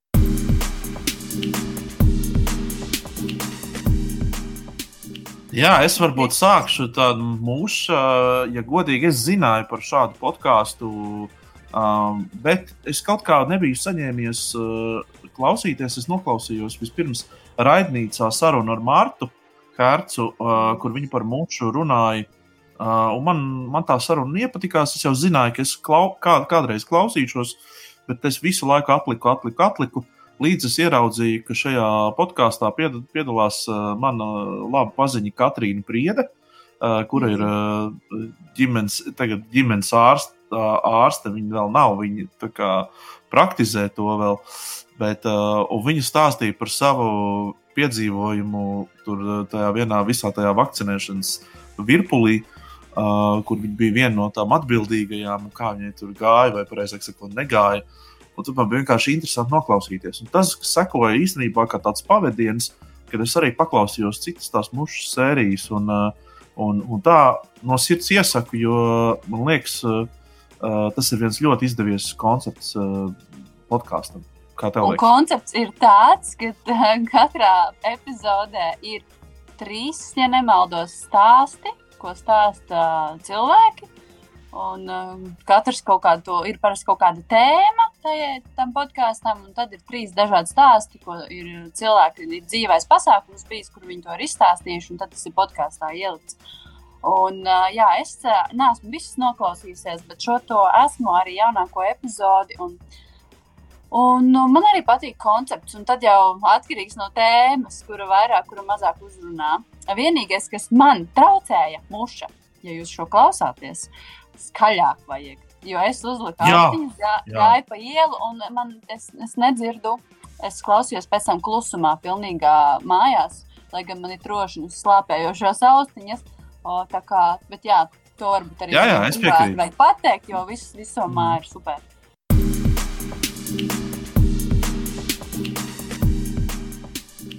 Ak, Dievs! Jā, tas ir mans. Vienmēr, tad, kad Bet- mēs parādām kādu albumu, ko Kristofers ir klausījies, viņš tāds - ak, Dievs, tā kā viņš būtu Ok. klausījies, es nezinu, Lienu Šomas. Tā kā ar varu būtu likts tev. Jā, Jā, Nē, Tā. Benhofs un uh, Fashion Bruises. Uh, ja godīgi, es neko par šo izpildītāju nezināju pirms tam, un jāatzīst, nezinu arī tagad. Uh, negribu bet es, zināt, uh, nākotnē izklausās. Bet es, es, es pateikšu, kā es, kā es viņu uzgāju šo albumu. Viņš man Spotify parādījās pēc, uh, pēc uh, tā. Um, Pēc tam Ilvis uh, klausīšanās maratona, kad es biju ļoti klausījies Ilvis, viņš pēkšņi parādījās kaut kur virs apgājuma. Un es nejaušu, droši vien, ka vienkārši tāpat vien vienkārši uzliku, paklausīties, uh, kas tas ir. Es nezinu, ir ārtroks vai ne, bet jā, jautājums ir, tev, vai ir ārpops arī tāds? Teicām, protams, ka ir. Tad šis ir art pops. Šis ir art pops, šis ir tā kā Žoržs Siksna izklausītos mūsdienās. Uh, ja teiksim, Žoržs Siksna mūsdienās, uh, tad šis ir, šis ir tas. Uh, Čāl, šis ir tas ir Uh, izklausās, izklausās, izklausās pēc uh, um, aizputes uh, mūzikas skolas uh, uh, uh, šīs kaut kādas uh, roka grupas, nu, pop grupas, kur viņi īstenībā spēlē ļoti melodisku un saprot, visiem saprotamu mūziku. Tur nav nekāda pārsteiguma. Tur ir solis pa labi, solis pa kreisi. Uh, uh, Dieva dēļ neko citu nē, tāpēc mēs nojauksim visus tos notis un, un sačakarēsim visu to kompozīciju. Tā kā ļoti paredzama, ļoti paredzama balss, tāds tā kā, uh, bet, bet mūsdienu versija. Uh, Čāls ir ļoti stilīgs, uh, ir uh, arī uh, piedziedātājs un tā tālāk. I- Intereses pēc paklausieties, jo kaut ko tādu, es domāju, mūsdienās vairs neviens neizdod tādu mūziku.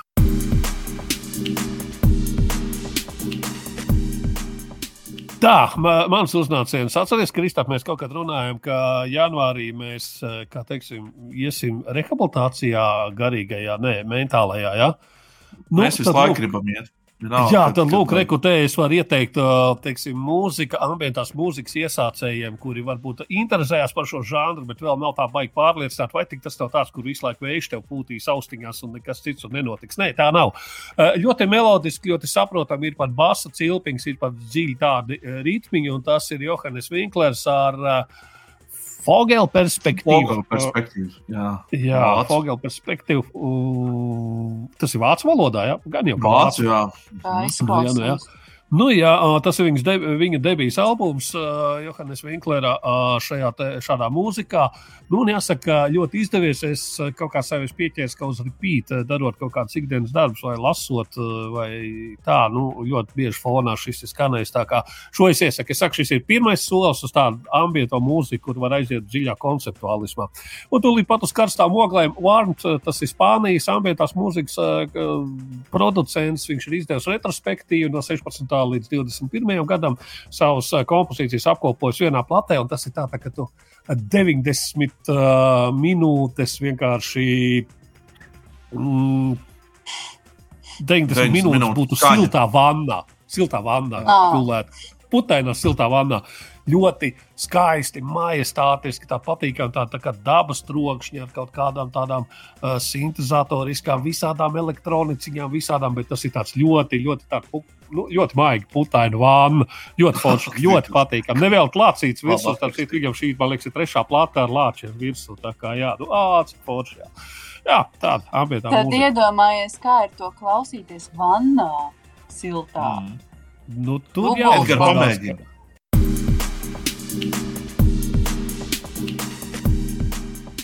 Es jūsu dēļ. Dēļ. Paldies, vienkārši, ka jūs uzaicinājāt mani. dēļ. Jo vismaz sākumā, janvārī, man ir apņemšanās tiešām reizi nedēļā, nu, labi, varbūt reizi divās, kādu grāmatu tomēr tā kā pabeigt un izlasīt. Un šonadēļ es um, noklausījos, gan neizlasīju grāmatu Unwinding Anxiety. Un tā, to ir sarakstījis amerikāņu psihoterapeits, neirozinātnieks. Un, un, un, un tur šo ieteica draudzene, kur šo grāmatu lasa. Un es domāju, nu, es tev uzticos, aiziet, es arī paklausīšos. Jo ar to lasīšanu fiziski man lēnāk iet, jo man ļoti patīk staigāt. Un, un Mhm. tad es labāk staigāju nekā es sēžu un lasu, tāpēc es apvienoju šīs nodarbes. O- Un, un eh, šī grāmata bija laba. Nav, nav desmit balvas, teiksim, septiņas varētu ielikt viņai, vai, vai arī četras zvaigznes no piecām, ja būtu jāliek. Un- Un stāsts ir par to, kā tad, uh, tikt galā ar, ar trauksmi, ja tāda dzīvē ir piemeklējusi.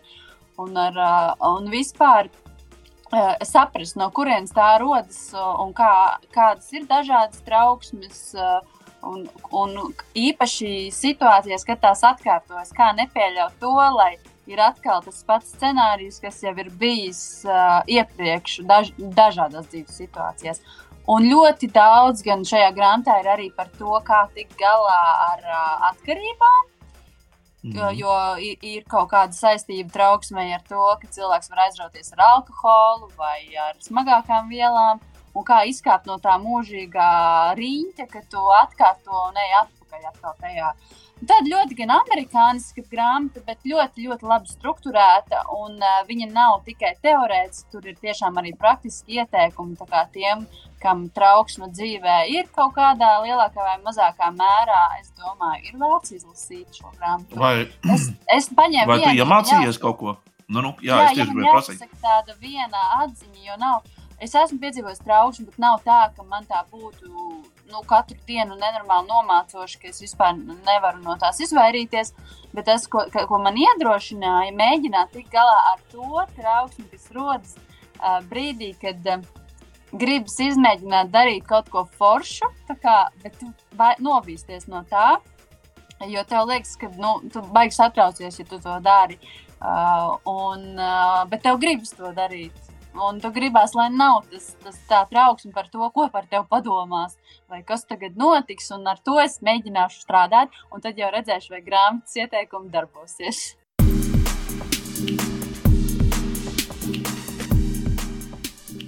Nu, šis ir tāds, droši vien, atkal Edgars jau runāja par, tiem, par tām 14. gadsimta kaujām. Tad es palasīju mazliet kaut ko par kaujām mūsdienās, bet šis stāsts vairāk ir par, par, ā, par tādiem asākiem konkurentiem, kas ā, parasti kaut kur ārā ir. Mēs viņus zinām.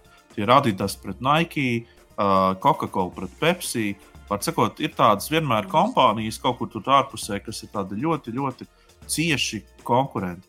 Un, un patiesībā, kāpēc šī grāmata man ļoti patika, un es arī viņu ieteiktu citiem palasīt, ir tāpēc, ka um, tu ļoti tādā uh, koncentrētā veidā uh, vari izlasīt par to, kā lieli uzņēmumi patiesībā ir veidojušies, kas ir viņu filozofija. Uh, un tā tālāk. Man tās kaujas un tie kari varbūt tā mazāk. Es tā īsti daudz kur arī neiedziļinājos un nesapratu tur kaut kādas lietas, jo nu, tur jābūt tomēr tādam nu, visu laiku jāsako līdz biznesa ziņām, lai tu tur atcerētos, tur, kā 78. gadā bija kaut kāda tur, uh, krīze vai ne kaut kas, kas tur uh, izraisīja kaut ko tur. Ja, nu. Bet pēc būtības. Uh, Uh, es domāju, tas lielākais iegūms no šīs grāmatas ir uh, tādā koncentrētā, kodolīgā veidā izstāstīt visveiksmīgāko uh, pasaules biznesu uh, attīstības un veidošanās formulas. um, tas tāds foršs, labs iegūms. Okay. Izklausās interesanti. Un grāmatu sauc. Un, jā, Edgars, grāmatā sauc The Art of Business Wars. Tātad uh, biznesa, biznesa pasaules kara.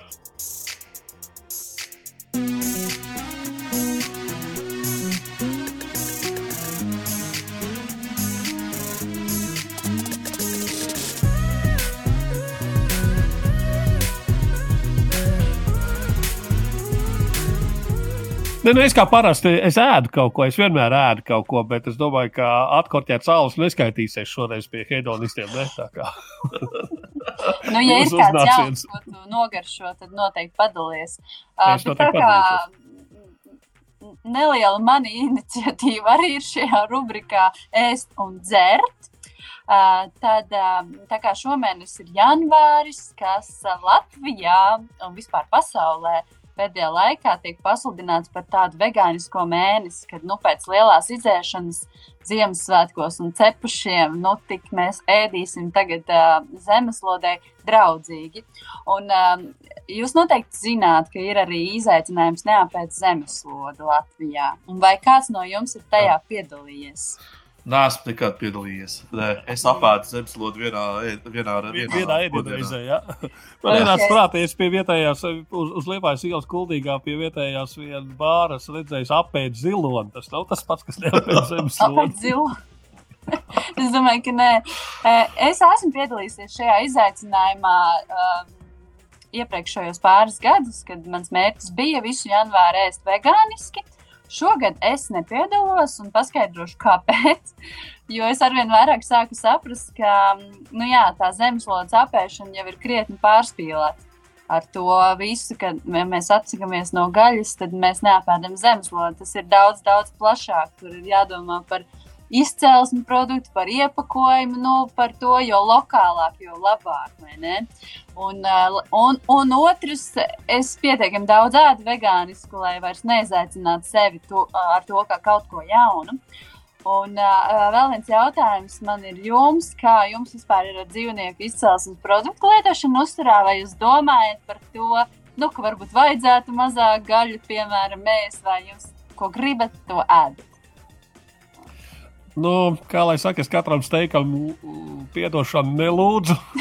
Godīgi sakot, baigi tā, tā kā nepiedomāju par to, kas ir gabalā ēdu. Domā, ah, kaziņai vai gotigai tas ir atņemts ar vāru un viss šī tādu. Godīgi sakot, man ir- šajā jomā man sēdies divi. Mhm, Nē, man atkal ir mazliet, man ir sēdies trīs, tāpēc ka es uh, esmu kādu laiku jau. Uh, pat kādu laiku, nu, gadus desmit, uh, atteicies tā kā no cūgaļas. Es cūgaļu tā kā neēdu, vai vismaz cenšos apzināti. Nē, es ja nu kādreiz kaut kur tur trāpās vai ietrāpās, kur tur, protams, ka tu, kas saka, nē, nav tā, bet, bet, uh, bet vai tas ir kaut kas labs, es īsti nezinu. Drīzāk jau, ka vienkārši. Mhm. Mm. Īsti tādā Um. Nu, labi, un tad vēl viens jautājums, vai jūs gatavojat pašu sev ēst? Es jā. Es pārsvarā, jā, bet uh, pēdējā laikā es, uz, es vēlāk par to pastāstīšu. Es uzticos uh, vietējiem piegādātājiem. Jau ēst? Vol- Volt, Voltam, Boltam un šitiem Ok. visiem. Nu, labi, nu man jums izai- izaicinājums līdz nākamajai nedēļai. Jūs taisiet kaut kādu vienu vegānisku ēdienu un pēc iespējas lokālāk. Nu tā, lai tas ir no Latvijas produktiem. Ok, Un Mierīgi. padalīsieties pēc tam, ko jūs uztaisījāt. Es arī to izdarīšu. Nu, tā, okay. lai mums ir interesantāk. Varbūt kādu jaunu, burvīgu recepti atklāsim. Mazliet, okay. Okay. vi, vismaz vienā ēdienreizē mēģināsim neapēst zemeslodi.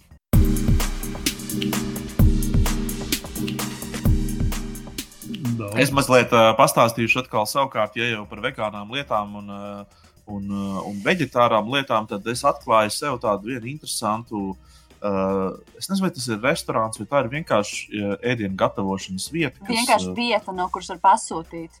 Tu zini, humus, humus Jā. brodi, jā?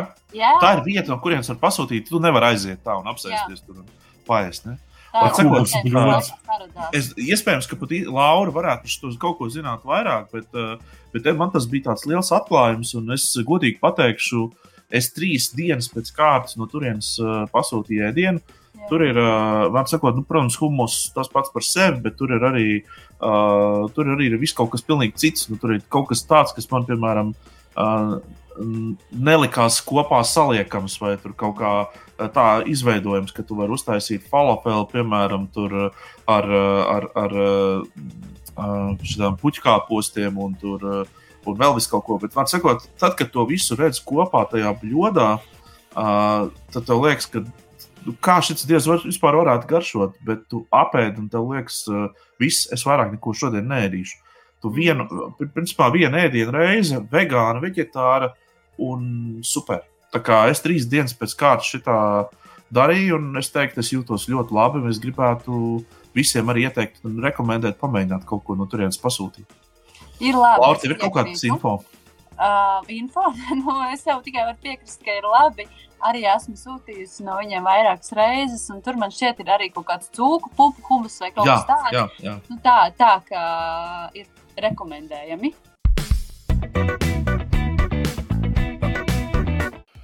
Nu, tā, dārgie kolēģi, un tagad mēs darīsim tādas lietas, kādas mēs nekad neesam darījuši šī šova vēsturē. Es domāju, neviens no mums uh, ēteros kaut ko tādu nav darījis. Mēs mēģināsim prognozēt, kas notiks ar zelta mikrofonu 2022, un mēs taču visi zinām, ka, uh, kam ir jādod balva un kam ir jāuzvar. Mēs to visi zinām, mums tas viss ir jāizdara. Tā kā uzmanība ekrānam, nominācijas, un tad beigās, tad, kad to izzinos, uh, tad mēs uh, varēsim saskaitīt, cik kuram bijis taisnība vai nē uh, par balvām un tā kaut ko izdomāsim. Bet pagaidām aiziet. Sākam ar pirmo nomināciju - popmūzikas albums.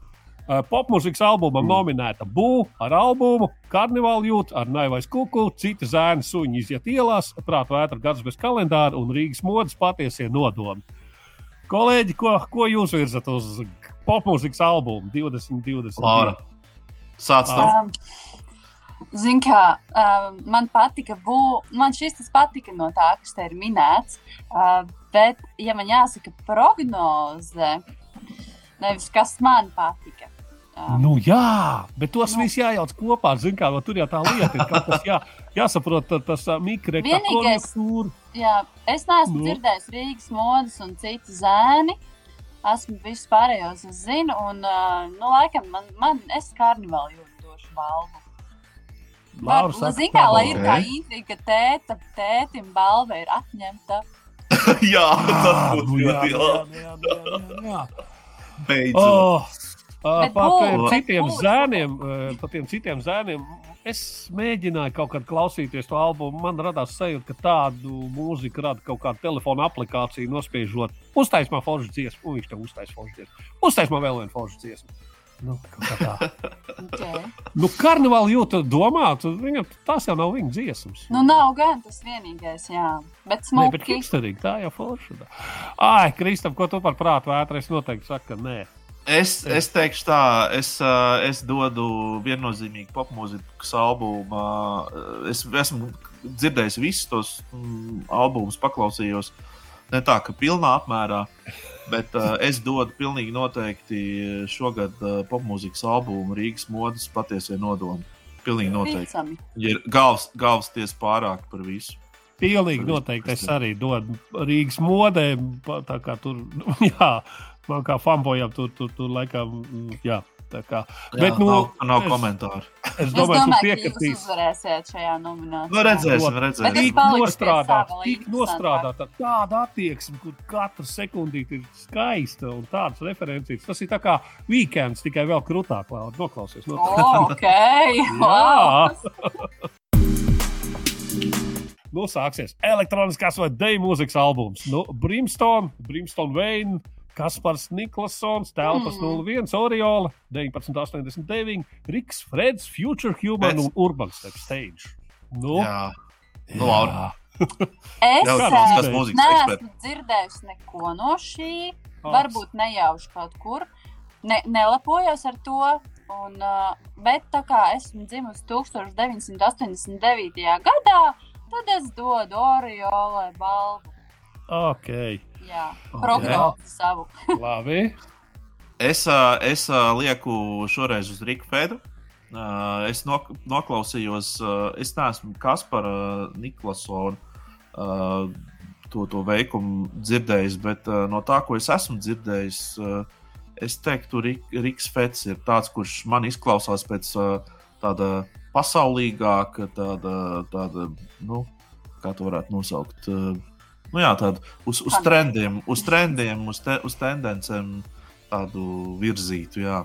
Uh, jā, es arī tev gribu piekrist. uh, Es, liek, es arī lieku uz uh, Rīgas Fed, lai arī kas viņš tāds būtu. Jo, nu, ja viņa mērķis bija radīt uh, tādu mūziku, kāda ir vēl kaut kāda 15 miljonu šobrīd Spotify, tas viņam ir lieliski izdevies.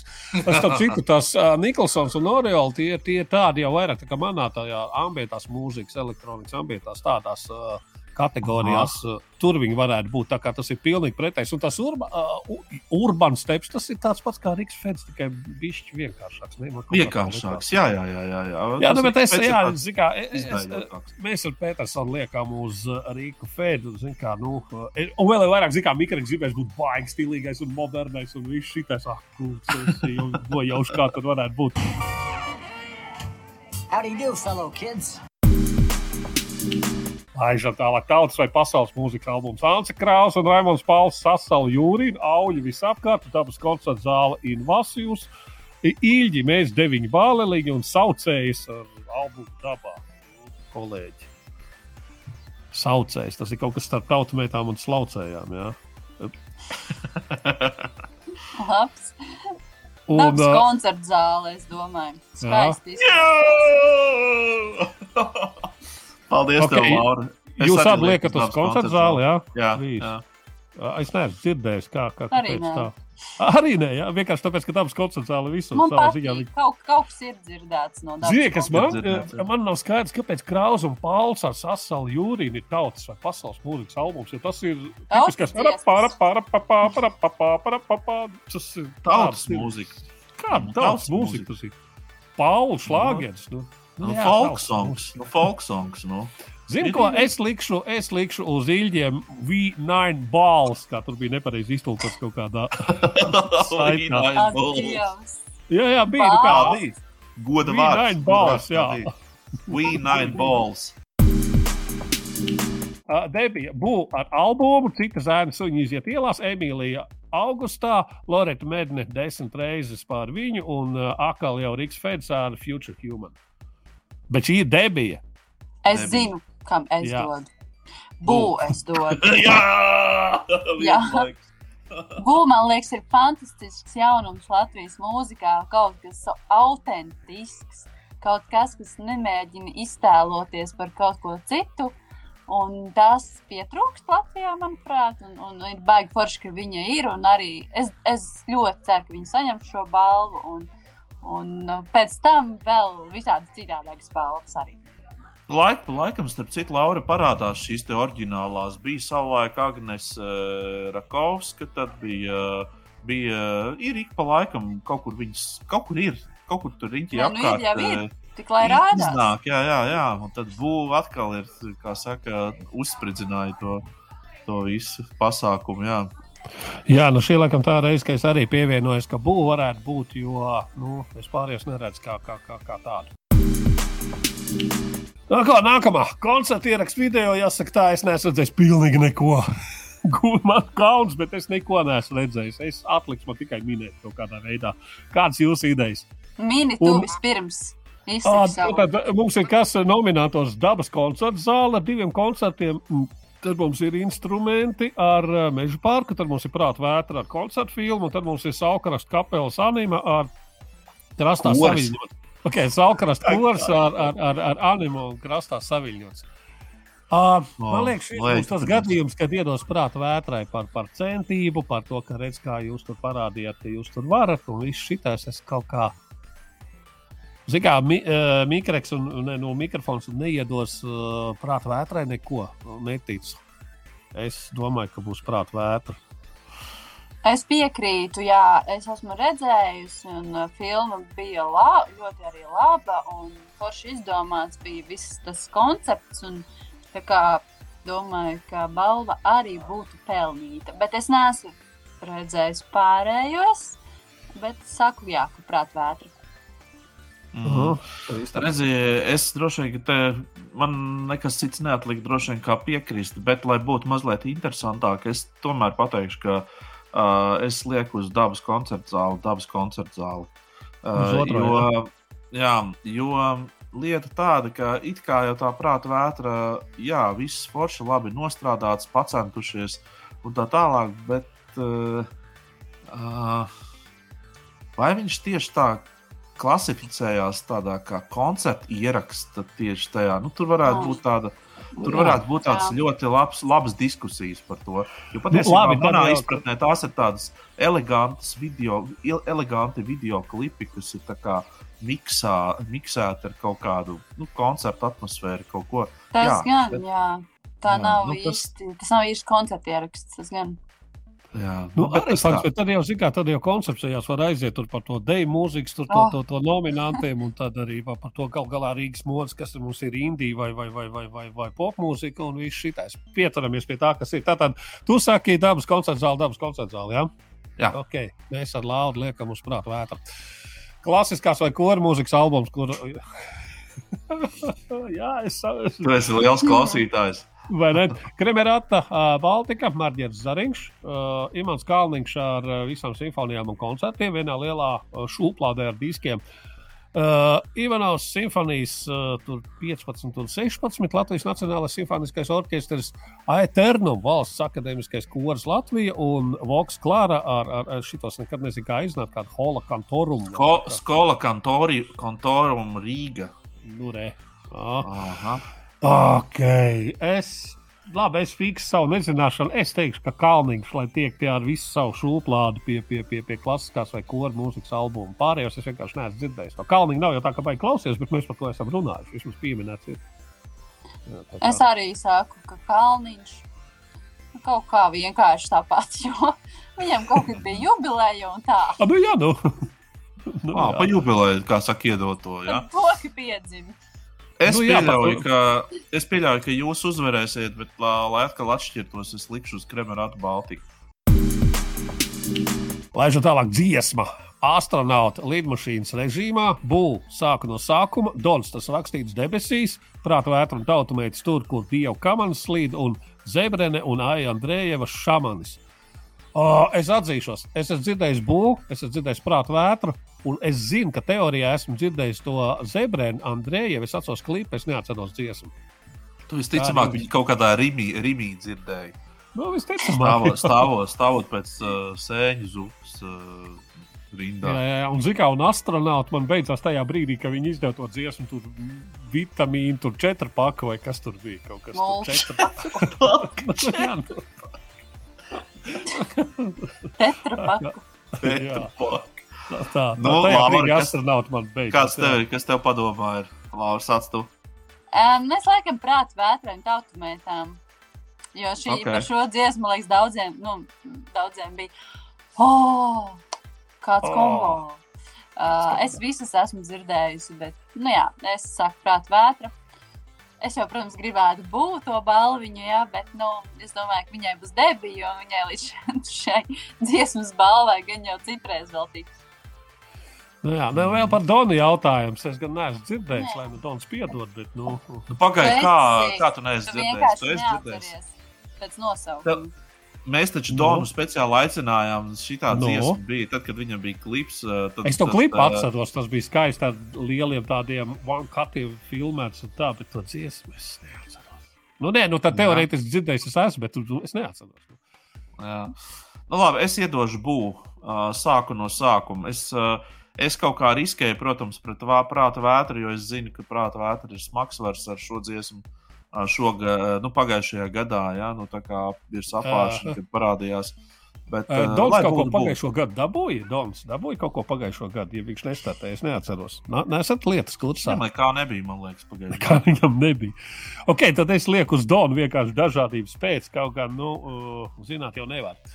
Laižam tālāk, country vai šlāgeru mūzikas albums, un tā Ineta Rudzīta atmiņas, vai kas tu esi mīlestība, miera vējos dzīve ir skaista. Miera vējos vēl vienu albumu Oh. izdevusi, te būs Wow. saknes un cerības. ļaus. Sandrs Dubovs, Likteņa zīves un sastā jūdza ar upe. O, ja nu man ir kaut kāda pilnīgi tumša bilde, tad tas ir šis. Man arī. Ja izskatās, ka tie miera vēji ir kaut kādi, acīm redzot, ļoti. Zini, tā kā, Tā kā Grants un Roses savā laikā Use Your Illusion izdeva zin, divās platēs. Tad Nevis dubultā albumu, bet divas atsevišķas. Tā kā Metallica, Load un Reload. Jā, Jā, un Taylor Swift arī divas sāpes. jā vai ne? Ļoti Taylor līdzīgi Swift, jā, noteikti. jā, jā. Es dodu sastajai jūdzē, jo vienkārši tas ir vienīgais, ko es zinu. Oh, tā pagaid, sastāv, jo, jā, es zinu, tie ir vieni no tiem daudziem kaubojiem ar, ar, Nu, ar, dzirdēts ar, ar, vismaz. ar, ar Zikai Nosaukums. parasti. Uh, ja viņi noņem kauboju cepures, tad tas ir šlāgeris. Tikko uzliek kauboju cepures, tā uzreiz viņa country spēlē. Kaut kā tā ir Bet viena no ir tā pati dziesma. gan šlāgers. tā kā Nu, tā kā viņi abās kategorijās startē. Nu, jā. Nu, jā. Zini, kā jūs? es arī eju ar sesto jūdzi. Es, eh, mēs ar Lauru pieklājīgi, kā saka, tā. Nu, es arī tāpēc, ka tas man šķiet tāds zināmākais vārds. Jo, nu, mieru, nu, Inēta Rūcīt, nu, nē, nu, Inēta nedabūs. Viņa Nē, nebūs. Inet, inet, Nu, nē, viņa ir forša dāma, bet viņa kaut kur, kaut kur uh, baigi Nu, decīja. Sandrs arī. šlāgeri. Sandrs Dubovs man nav nejausmas. Tas. Piedod, Tas Sandra. arī neizklausās, ka varētu dabūt. Vai ne? Tā kā, jā, jā, jā. jā. Nebūs Labi. solistiem. Labākais albuma dizains. TNK. Uh, Jūka ar sikspārņiem, citi zēni, suņi iziet ielās, tāda suņa ārā nedzenama nakts. Un Edvards ekosistēmas albuma dizains. Mēģinām atcerēties, kā tas izskatās. Es tā pēc atmiņas es zinu, ka te divi izskatās pēc dizaina, trīs ar dizainu. Tur nav nekāda sakara. Tie ir pielikti vienkārši klāt tāpat vien. Nu, saki, tad kurš? Ah, nu kā, ten, kā, ten, ten, kā uh, tur bija tāda reāla dizainiska figūra uz balta fona, visādi kaut kāda grafika, tāda cieši sazīmēta. Jūk, uh, tas bija tas tā, tāds tumšais albums ar tiem sikspārņiem virsū, diviem. Tas tā kā bērnu šūpuļu dziesmas tādas, nu, kas varbūt neklausās tur atkal to rapā, rapā, rapā, rapā stilīgi. Citi zēni, nu tas nav, tas nav dizains, tā ir vienkārši karikatūra uz albumu. Vāk vistiešākajā nozīmē karikatūra. Sunī ārā nedzināmā nakts, jūs, tad, kad gar, jūs rīdznieki ap divi, tad, kad iesiet garām mūzikas namam dāļu, tad, jūs afišās redzēsiet visus tur tās afišas, tos, tos uh, dizainus pēdiņās. Tieši tāds pats ir tas sunī ārā nedzināmā nakts uh, albuma vārciņš. Nu, Edvards ekosistēma, tas vienkārši To kaut es atceros vienīgi. Tas, jā, tas tāds zīmējums, nu, kaut kas tāds, tāds, tāds. nu, ne gluži brekts, morāls, jau līdz tādiem Jā. augstumiem, nē, bet, uh, jā, nu, tā kā. Mm, Nu, Man liekas, ka pirmajiem diviem uh, es nevaru izdomāt. Tā kā, mm. nu, ok, es likšu uz pirmo. Es lieku uz tiem, kā Ok, es lieku uz Edvardiem. uz Edvardiem. Ok, tu. Um, es tikko apstājos, iegūlēju ar vienu acu, kā izskatās suņi iziet ielā. Vai ne? Um, nu, tā, lai zinātu. Hmm. Labi, Edvardiem arī. Arī Tomēr. uz Edvardu. Ok, Jā. labi. Tā. Tā atzīmēts. Un tālāk mums ir džēza vai funka mūzikas albums. Denis Paškevičs ar uh, kompāniju, kur es ne, nemēģināšu pat izrunāt reflections. Uh, oh, Knudsens uh, un Rudzīnskis Space Big Band ar Space Big Band, Kristaps Vanadziņš ar savu trio. Ar, uh, kā tas latviski ir? Latvijas arī tas nosaukums ir. Tā arī Mīlestības dārsts ir aizsācis. Arī, arī, Jā. arī Latvijas televīzijā filma par viņiem bija. Latvijas radio Big Bands ar Soundpoets, Latvijas Jazz Suite 4 un Very Cool People ar uh, kaut kādām matemātiskajām darbībām, 50 gadu influencēšana, 30 gadu cool equals un 13 gadu mūzikas huligānismā. Jā. Nu, es teikšu, uzreiz, ka soundpoets man ir tā kā stopvārds mūzikā. Nu, Es jā. runāju par mūziku, tad pieminu soundpoets. Vispār paldies ar labvakar par mūziku. Es tālāk es nerunāju, tā kā man ceturtais izkrīt. Arī cool people, viņiem taču kaut kādi 50 albumi. ir. Viņi ik pa katru, man liekas, katru mēnesi izdod pa albumam pēdējos desmit gadus. Ne? Tas tā kā tev soundpoints, tā kā šajā seksā ir tas stopvārds. Tā, tas Jā, jā, jā, jā. Vēl Soundpoets. viena grupa latviešiem, kas Tā. ir tāds pats. Suddenlight arī tieši tas pats. Es dodu very cool people. Kam tad? Very cool, Very cool people. Ah, very cool people. Labi. Okay. Uh, es, es viņu starp citu esmu dzirdējis tiešām. Mm, Ok, bet tad, tad kad parādās Denis Paškevičs kaut kur virs apgājuma, tad es tajā brīdī, nu, tas ir tā kā man, man viņš ir tā kā nu, šajā jomā, džēza, funka uh, jomā, te viņš ir tā kā prāta vētra apmēram. Tāpēc es tā sāku domāt, antivakcīns. Jā, labi. Nu, Denis jā, tad tu Paškevičs. varēs ierasties uz ceremoniju. Jā, jā Jā, cerēsim. tā kā. Denis Paškevičs, es dodu Denis Paškevičs. Tu dod Denisam, jā. Uh, Ziniet, man gribās likt uz Kaspara Vanadziņa trio, jo tas tiešām ir ļoti lielisks uh, albums. Kristap, jā. Kristap. Visi, viņš, visi Kristap vienmēr ir Kaspar un otrādi. Un otrādi, jā, tā kā. Paldies, Kaspar! Tā. Hip-hop mūzikas albums, Bush, Putni, Edvards, ekosistēmas, Eliots, Stulbais raps, Kurts laikā, Singapūras satīns un Stonks. Uh, par Bušu viņš sagrozījies liepainieks, tāds liepāja raps. Kāpēc tāds, sagrozījies? Man patīk, starp citu, man patīk šis albums. Jā, viņš tur tās par ūdeni staigāja un raudāja pa liepāju. Viņš tāds tāds brīdī man atgādināja to senilo bērnu grupu, to, to, to device, jā, kur, kur bija arī no liepāja. Liepāja raps. Nu, labi, ok, tās tikai manas domas. Es lieku uz Eliotu. Es nezinu, man patīk Eliots. Nu, Lāra. Kristap. Ā, man jau. Ā, nu, ej, ej, tu pirmā. Labi, e, bur, nu, tā kā man, jā, man tiešām patika Bušs, bet e, es arī Eliotam došu balvu.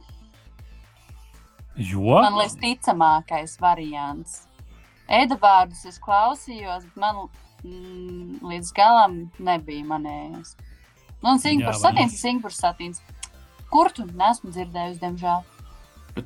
Kā, kā jums šķiet, uh, Singapūras satīns nevarētu dabūt tikai tāpēc, ka ir tāds pagājis hype ap viņiem šobrīd? Nu, tāds, ne? Nu, varētu, Nu, bet nu, varbūt viņi dabūs uh, pēdējā kategorijā. Mm. Kas to Labi, zina? Jā. lai būtu, lai, lai būtu Eliots. Visi trīs liekam uz Visu uz Eliotu. Eliotu liekam, jā. Jā. Jo, nu, tur tā ironija, un tur tie tekstiņi bija tā, ka maz nelikās. Es, jā, jā, es, es Edgars pēc tā ieteikuma arī klausījos tur pa visiem tiem gāzes Tas- rēķiniem, un tas forši bija, bija asprātīgi. Ļoti labi. Un visām reklāmas aģentūrām, jā. Jā, Indija vai alternatīvās mūzikas albums DZ ar DZ, Evija Vēbera ar K. Uh, Loreta Mēģina desmit reizes par viņu, nepāriet ar lūku, un nesen tas būs ilgi. Ja, kas man mulsina, man mulsina, ka nepāriet ir Indija vai alternatīvā mūzika. Jā, vai ne? Vai ne? Kaut gan šis albums ir viņa oriģināls, iespējams, vai es nedzirdu kalniņu, nepārciet vairs to lielo un kalniņu albumu. Tā kā. Nu, tad nepāriet balvu no manis. Tu lietas uz nepāriet, jā? Mhm. Jā, labi. es, es lieku uz Eviju Vēberi. Uz kā? Uz kā? Jā. Oh, man vajag pateikt, tas nesen, tas būs ilgi, bet es nezinu, tā tāda pasmakāka stūrī zēve, vēl tāda, tāda, tāda. tāda. es nezinu. Nu, zinu, kas ir, liksim uz novadnieci, ne, liksim uz Eviju. Lai tiek. Vēberi, jā. Lai tiek Evija. Tas būtu mans otrs minējums. Vai ne? Nu, to mēs redzēsim. Laižam, video klips, karnevāla jūt Alvas Zaldātiņa, Evija Vēbera un Ansis, labs suns, prāta vētra ar Fils, Rauls Eilants, Edvārdiem, Miers un Zebren un Ājam Drējeva ar Šamans.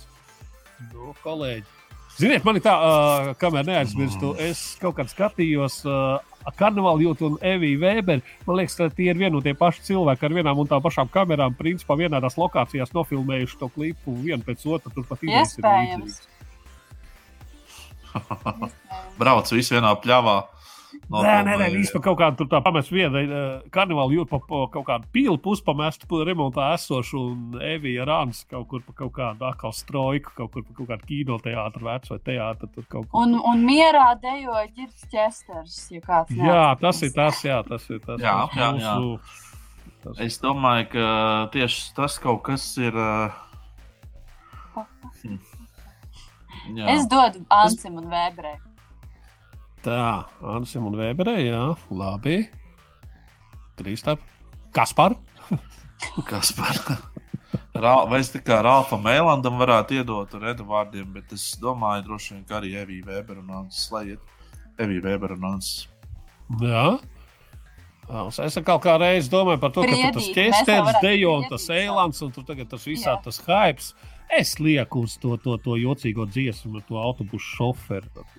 ķēstēnu. Es, Ar mieru, jā, uz mieru. Jā. es, es ar mieru uz mieru. Ok, instrumentālais vai starpžanru mūzikas albums. Te ir kaut kas tāds atkal teātris mūzika, principā ziedonis lācis vīrieši. Kārlis Ozāns, es saprotu, ka tas ir soundtracks Emīlijai, jā, Latvijas preses karalienei. Uh, Rihards Lībijams ar Vilfulu Blindness, Valters Pūcis, Infinita Rīga mūziķi, bla, bla, bla. Atkal kaut kāds soundtracks, uh, Bedrei, The Pit. Un Asinskārs ir izrāda, la- nu, es pieļauju, ka arī soundtracks jau Vladislavs Nestušos un Toms Alziņš. Galu galā instrumentālais stāvšana mūzikas albums. Tāpēc, ka latviešiem nav tāds, teiksim, skaņu celiņš vai soundtrack kategorija, Mhm. mūsu Grammy nav. Tā kā es pieļauju, ka tas ir šis. Hmm. Nu, man liekas, ka Neko no- Emīlija. es- es neko nevienu no šī- dzirdējis. Jā, Emīlija, es esmu dzirdējis, bet viņa, nu, būsim godīgi, nav ļoti izteiksmīga. Tur nekā tāda izteiksmīga nav. Nu, tur ir skaists Jā. Muzikālais fons un tāds trokšņa fons ir labs, protams. Nu, diz- skaņu Tam seriālam, bet Nu, tas pirmais, un dizains tas ir labs, tipisks teātris mūzons. Nu, tas ir tipisks teātris uzvedums. Nu, pirms tam bija Ziedonis Lācis sievietes pagājušo gadu. Laura, ko tu saki, kas, kas, kas tev šķiet? Nu, Ziniet, kā es laikam likšu uz to, kur baigi daudz cilvēku ir Valters Pūtis, Sim, Simfonēta Rīga un Rīgas doma, Zēnu koris. Jūs iedomājaties, kā viņi visi nāks skotu un saņem jā. to balvu. Un Ok. bedri es esmu redzējusi, bet neatceros mūziku vispār. Mhm. Bet gan jau bija labi. Tas jau nozīmē, ja tu nepamani mūziku, tad jau ir bijis labi. Iekļaujoši attiecīgi filmā. Mm. Laikam. Ai. Nu, Kristā, tu ko? Es teikšu, es teikšu Emīliju. Nu, tā pirmā doma tāda ir, un tur neko es nevaru padarīt. Labi, Valters Pūcis un Simfonija Rīga. Es eju Lauras pēdās. Uh, mūzikas albums bērniem. Un tā vokālā studija Knīps un Knauķa iezīšu katliņš zem sēnītes, Knīps un Knauķa un vēl vesels lērums ar sabiedrībā zināmiem cilvēkiem, emociju pētnieki, Laura Polnece, Polence, kas pazudis, kas uzradies, Lauris Rēniks, Ričīs Rū, Ričīs Rū, un Pigoriņi, Pigoriņi, Pigorojas. Pigoriņi, man liekas, ir katrā bērnu dārzā pa tādai grupai. Uh, Aha. Par to Lauru. Nu, Pagaidiet, šito Laura zinās. Šito, šito Laura zinās. Nu, Viņa zini, mani bērni neklausās bērnu mūzikas albumus, teikšu, kā ir. Un tad, kad bērnu dārzā ir jādzied dziesmas no tiem, tad viņi ir dusmīgi. Viņa no weekend izpilda. Viņi, viņi ir ļoti kritiski tiešām. Un, bet tā tad ir viena atšķirība šogad. Man dēls mājās dziedāja pāris dziesmiņas no Laura Rēnika albuma, kas viņam bērnu dārzā bija iemācītas. Un nu, tas jau ir progress, ka kaut kas ir pārnests mājās un tiešām tiek dziedāts. Tā kā Laurim un Rūtai, es domāju, ka visas iespējas šo balvu arī saņemt. Un Es. Es, es tev pilnīgi piekrītu arī tajā ziņā, ka ši, šī ir, uh, nu, būsim jau godīgi, arī tam mārketingam ir nozīme. Un, Protams. un, tā, Mhm. un tāpēc vien es dodu Laurim Reinikam, Rūtai Reinikai, Preisai, Sofijai Timai, Ričijas Rūrīko koncertu. Mm. Jā, es arī dodu Ričijam, Ričijam, jo tieši tā masīvs mārketings ir mārketings, jo par tādu Lauru es neko nezinu, par figūrīgiem neko. Un, nu, nē, nu, knips un knauķis, protams, ir dzirdēti, bet uh, tas ir kāds 70. sastāvs jau tajā grupā. Tā kā tur- Un starp citu, man ir uh, Ziemassvētku vecītim, uh, Ziemassvētku vecītis atnesa dēlam uh, biļeti uz Ričīru koncertu. Tā kā es jums noteikti pastāstīšu, kāds tas būs bijis martā. Super. Roka vai metāla mūzikas albums. Feliks Čiģēlis, sirdsapziņa, Inokentijas O! oh. Mārpils, Kauliņi ir mesti, Nottinghila tie, tiekšanās uz svelnu un smeldzīgu klusumu, pasaks pieaugušiem, Nova Koma, es neesmu dusmīgs, un Pink Floyds, uh, A Quick One Before the Mantis Gets You. Kas Okay, tas notiek vispār? Ko tad? Kas tie tādi? Kas te tādi? Zini, kā es ieraugu šitā, man tas liekas, tas ir kaut kāda parodija grupa, kaut kāda Pink Floyds. Nu, Fēliks vēl muzicē. Feliks arī Nu, izrādās vēl. labs. Es, es jums varu uzreiz pateikt, tas droši vien inokentiem mārplam, jo, nu, vienkārši inokentīs mārplam. Jā. Tur daudz domā. Jep. Es arī. Jā, Es arī. Es arī esmu par Inokentiju, tā kā mēs visi par Mēs Inokentiju. visi trīs Inokentijas Mēs esam. Jā, Jā. jā, jā. jā, jā. Ok, nu tad eh, man šķiet neiedzīgākā O. nominācija visā šajā LV gada dziesmā. Es domāju, mums arī vajag uztaisīt kaut kādu vietējo kiosku un tur, nezinu, snikera tirgotājs numur 7 gada dziesma. Visi, kas nāk pie mums pēc snikerus, tie nobalso par savu dziesmu. ok, eh, tur, kur divu komandas slīd prāta vētra tautamētām lidmašīnas režīmā, astronauti, fils prāta vētra sāku no sākuma būvniecība, pāraksts no instrumenti. Šāmans, Aija, Andreja un Zebrene, Plāksters, Singapūras satīns un Samanta Tīna. Tas rakstīts debesīs Dons. Uh, limuzīns uzkrīta no citiem zēniem un aizņem manu vietu no Sadenlaita un Anna. Nu tā. Bet pagaidiet, šeit ir jāņem vērā to, ka tie ir cilvēki no tautas, kas Jā. būs balsojuši. Jā, ja? tie, tie kas eh, veikalos LV kaut kādos noteiktos Ok, tur sneaker iepērkās. buy, ok. Atcerieties, kādreiz viņiem bija kaut kādā tur. Jā, jā, jā. Uh, Nu, zini, uh, es uzreiz te teikšu, jo nu, tad es izsaku, izsaku savu uh, minējumu, ka tas būs plaksters, Singapūras satīns un samantīna.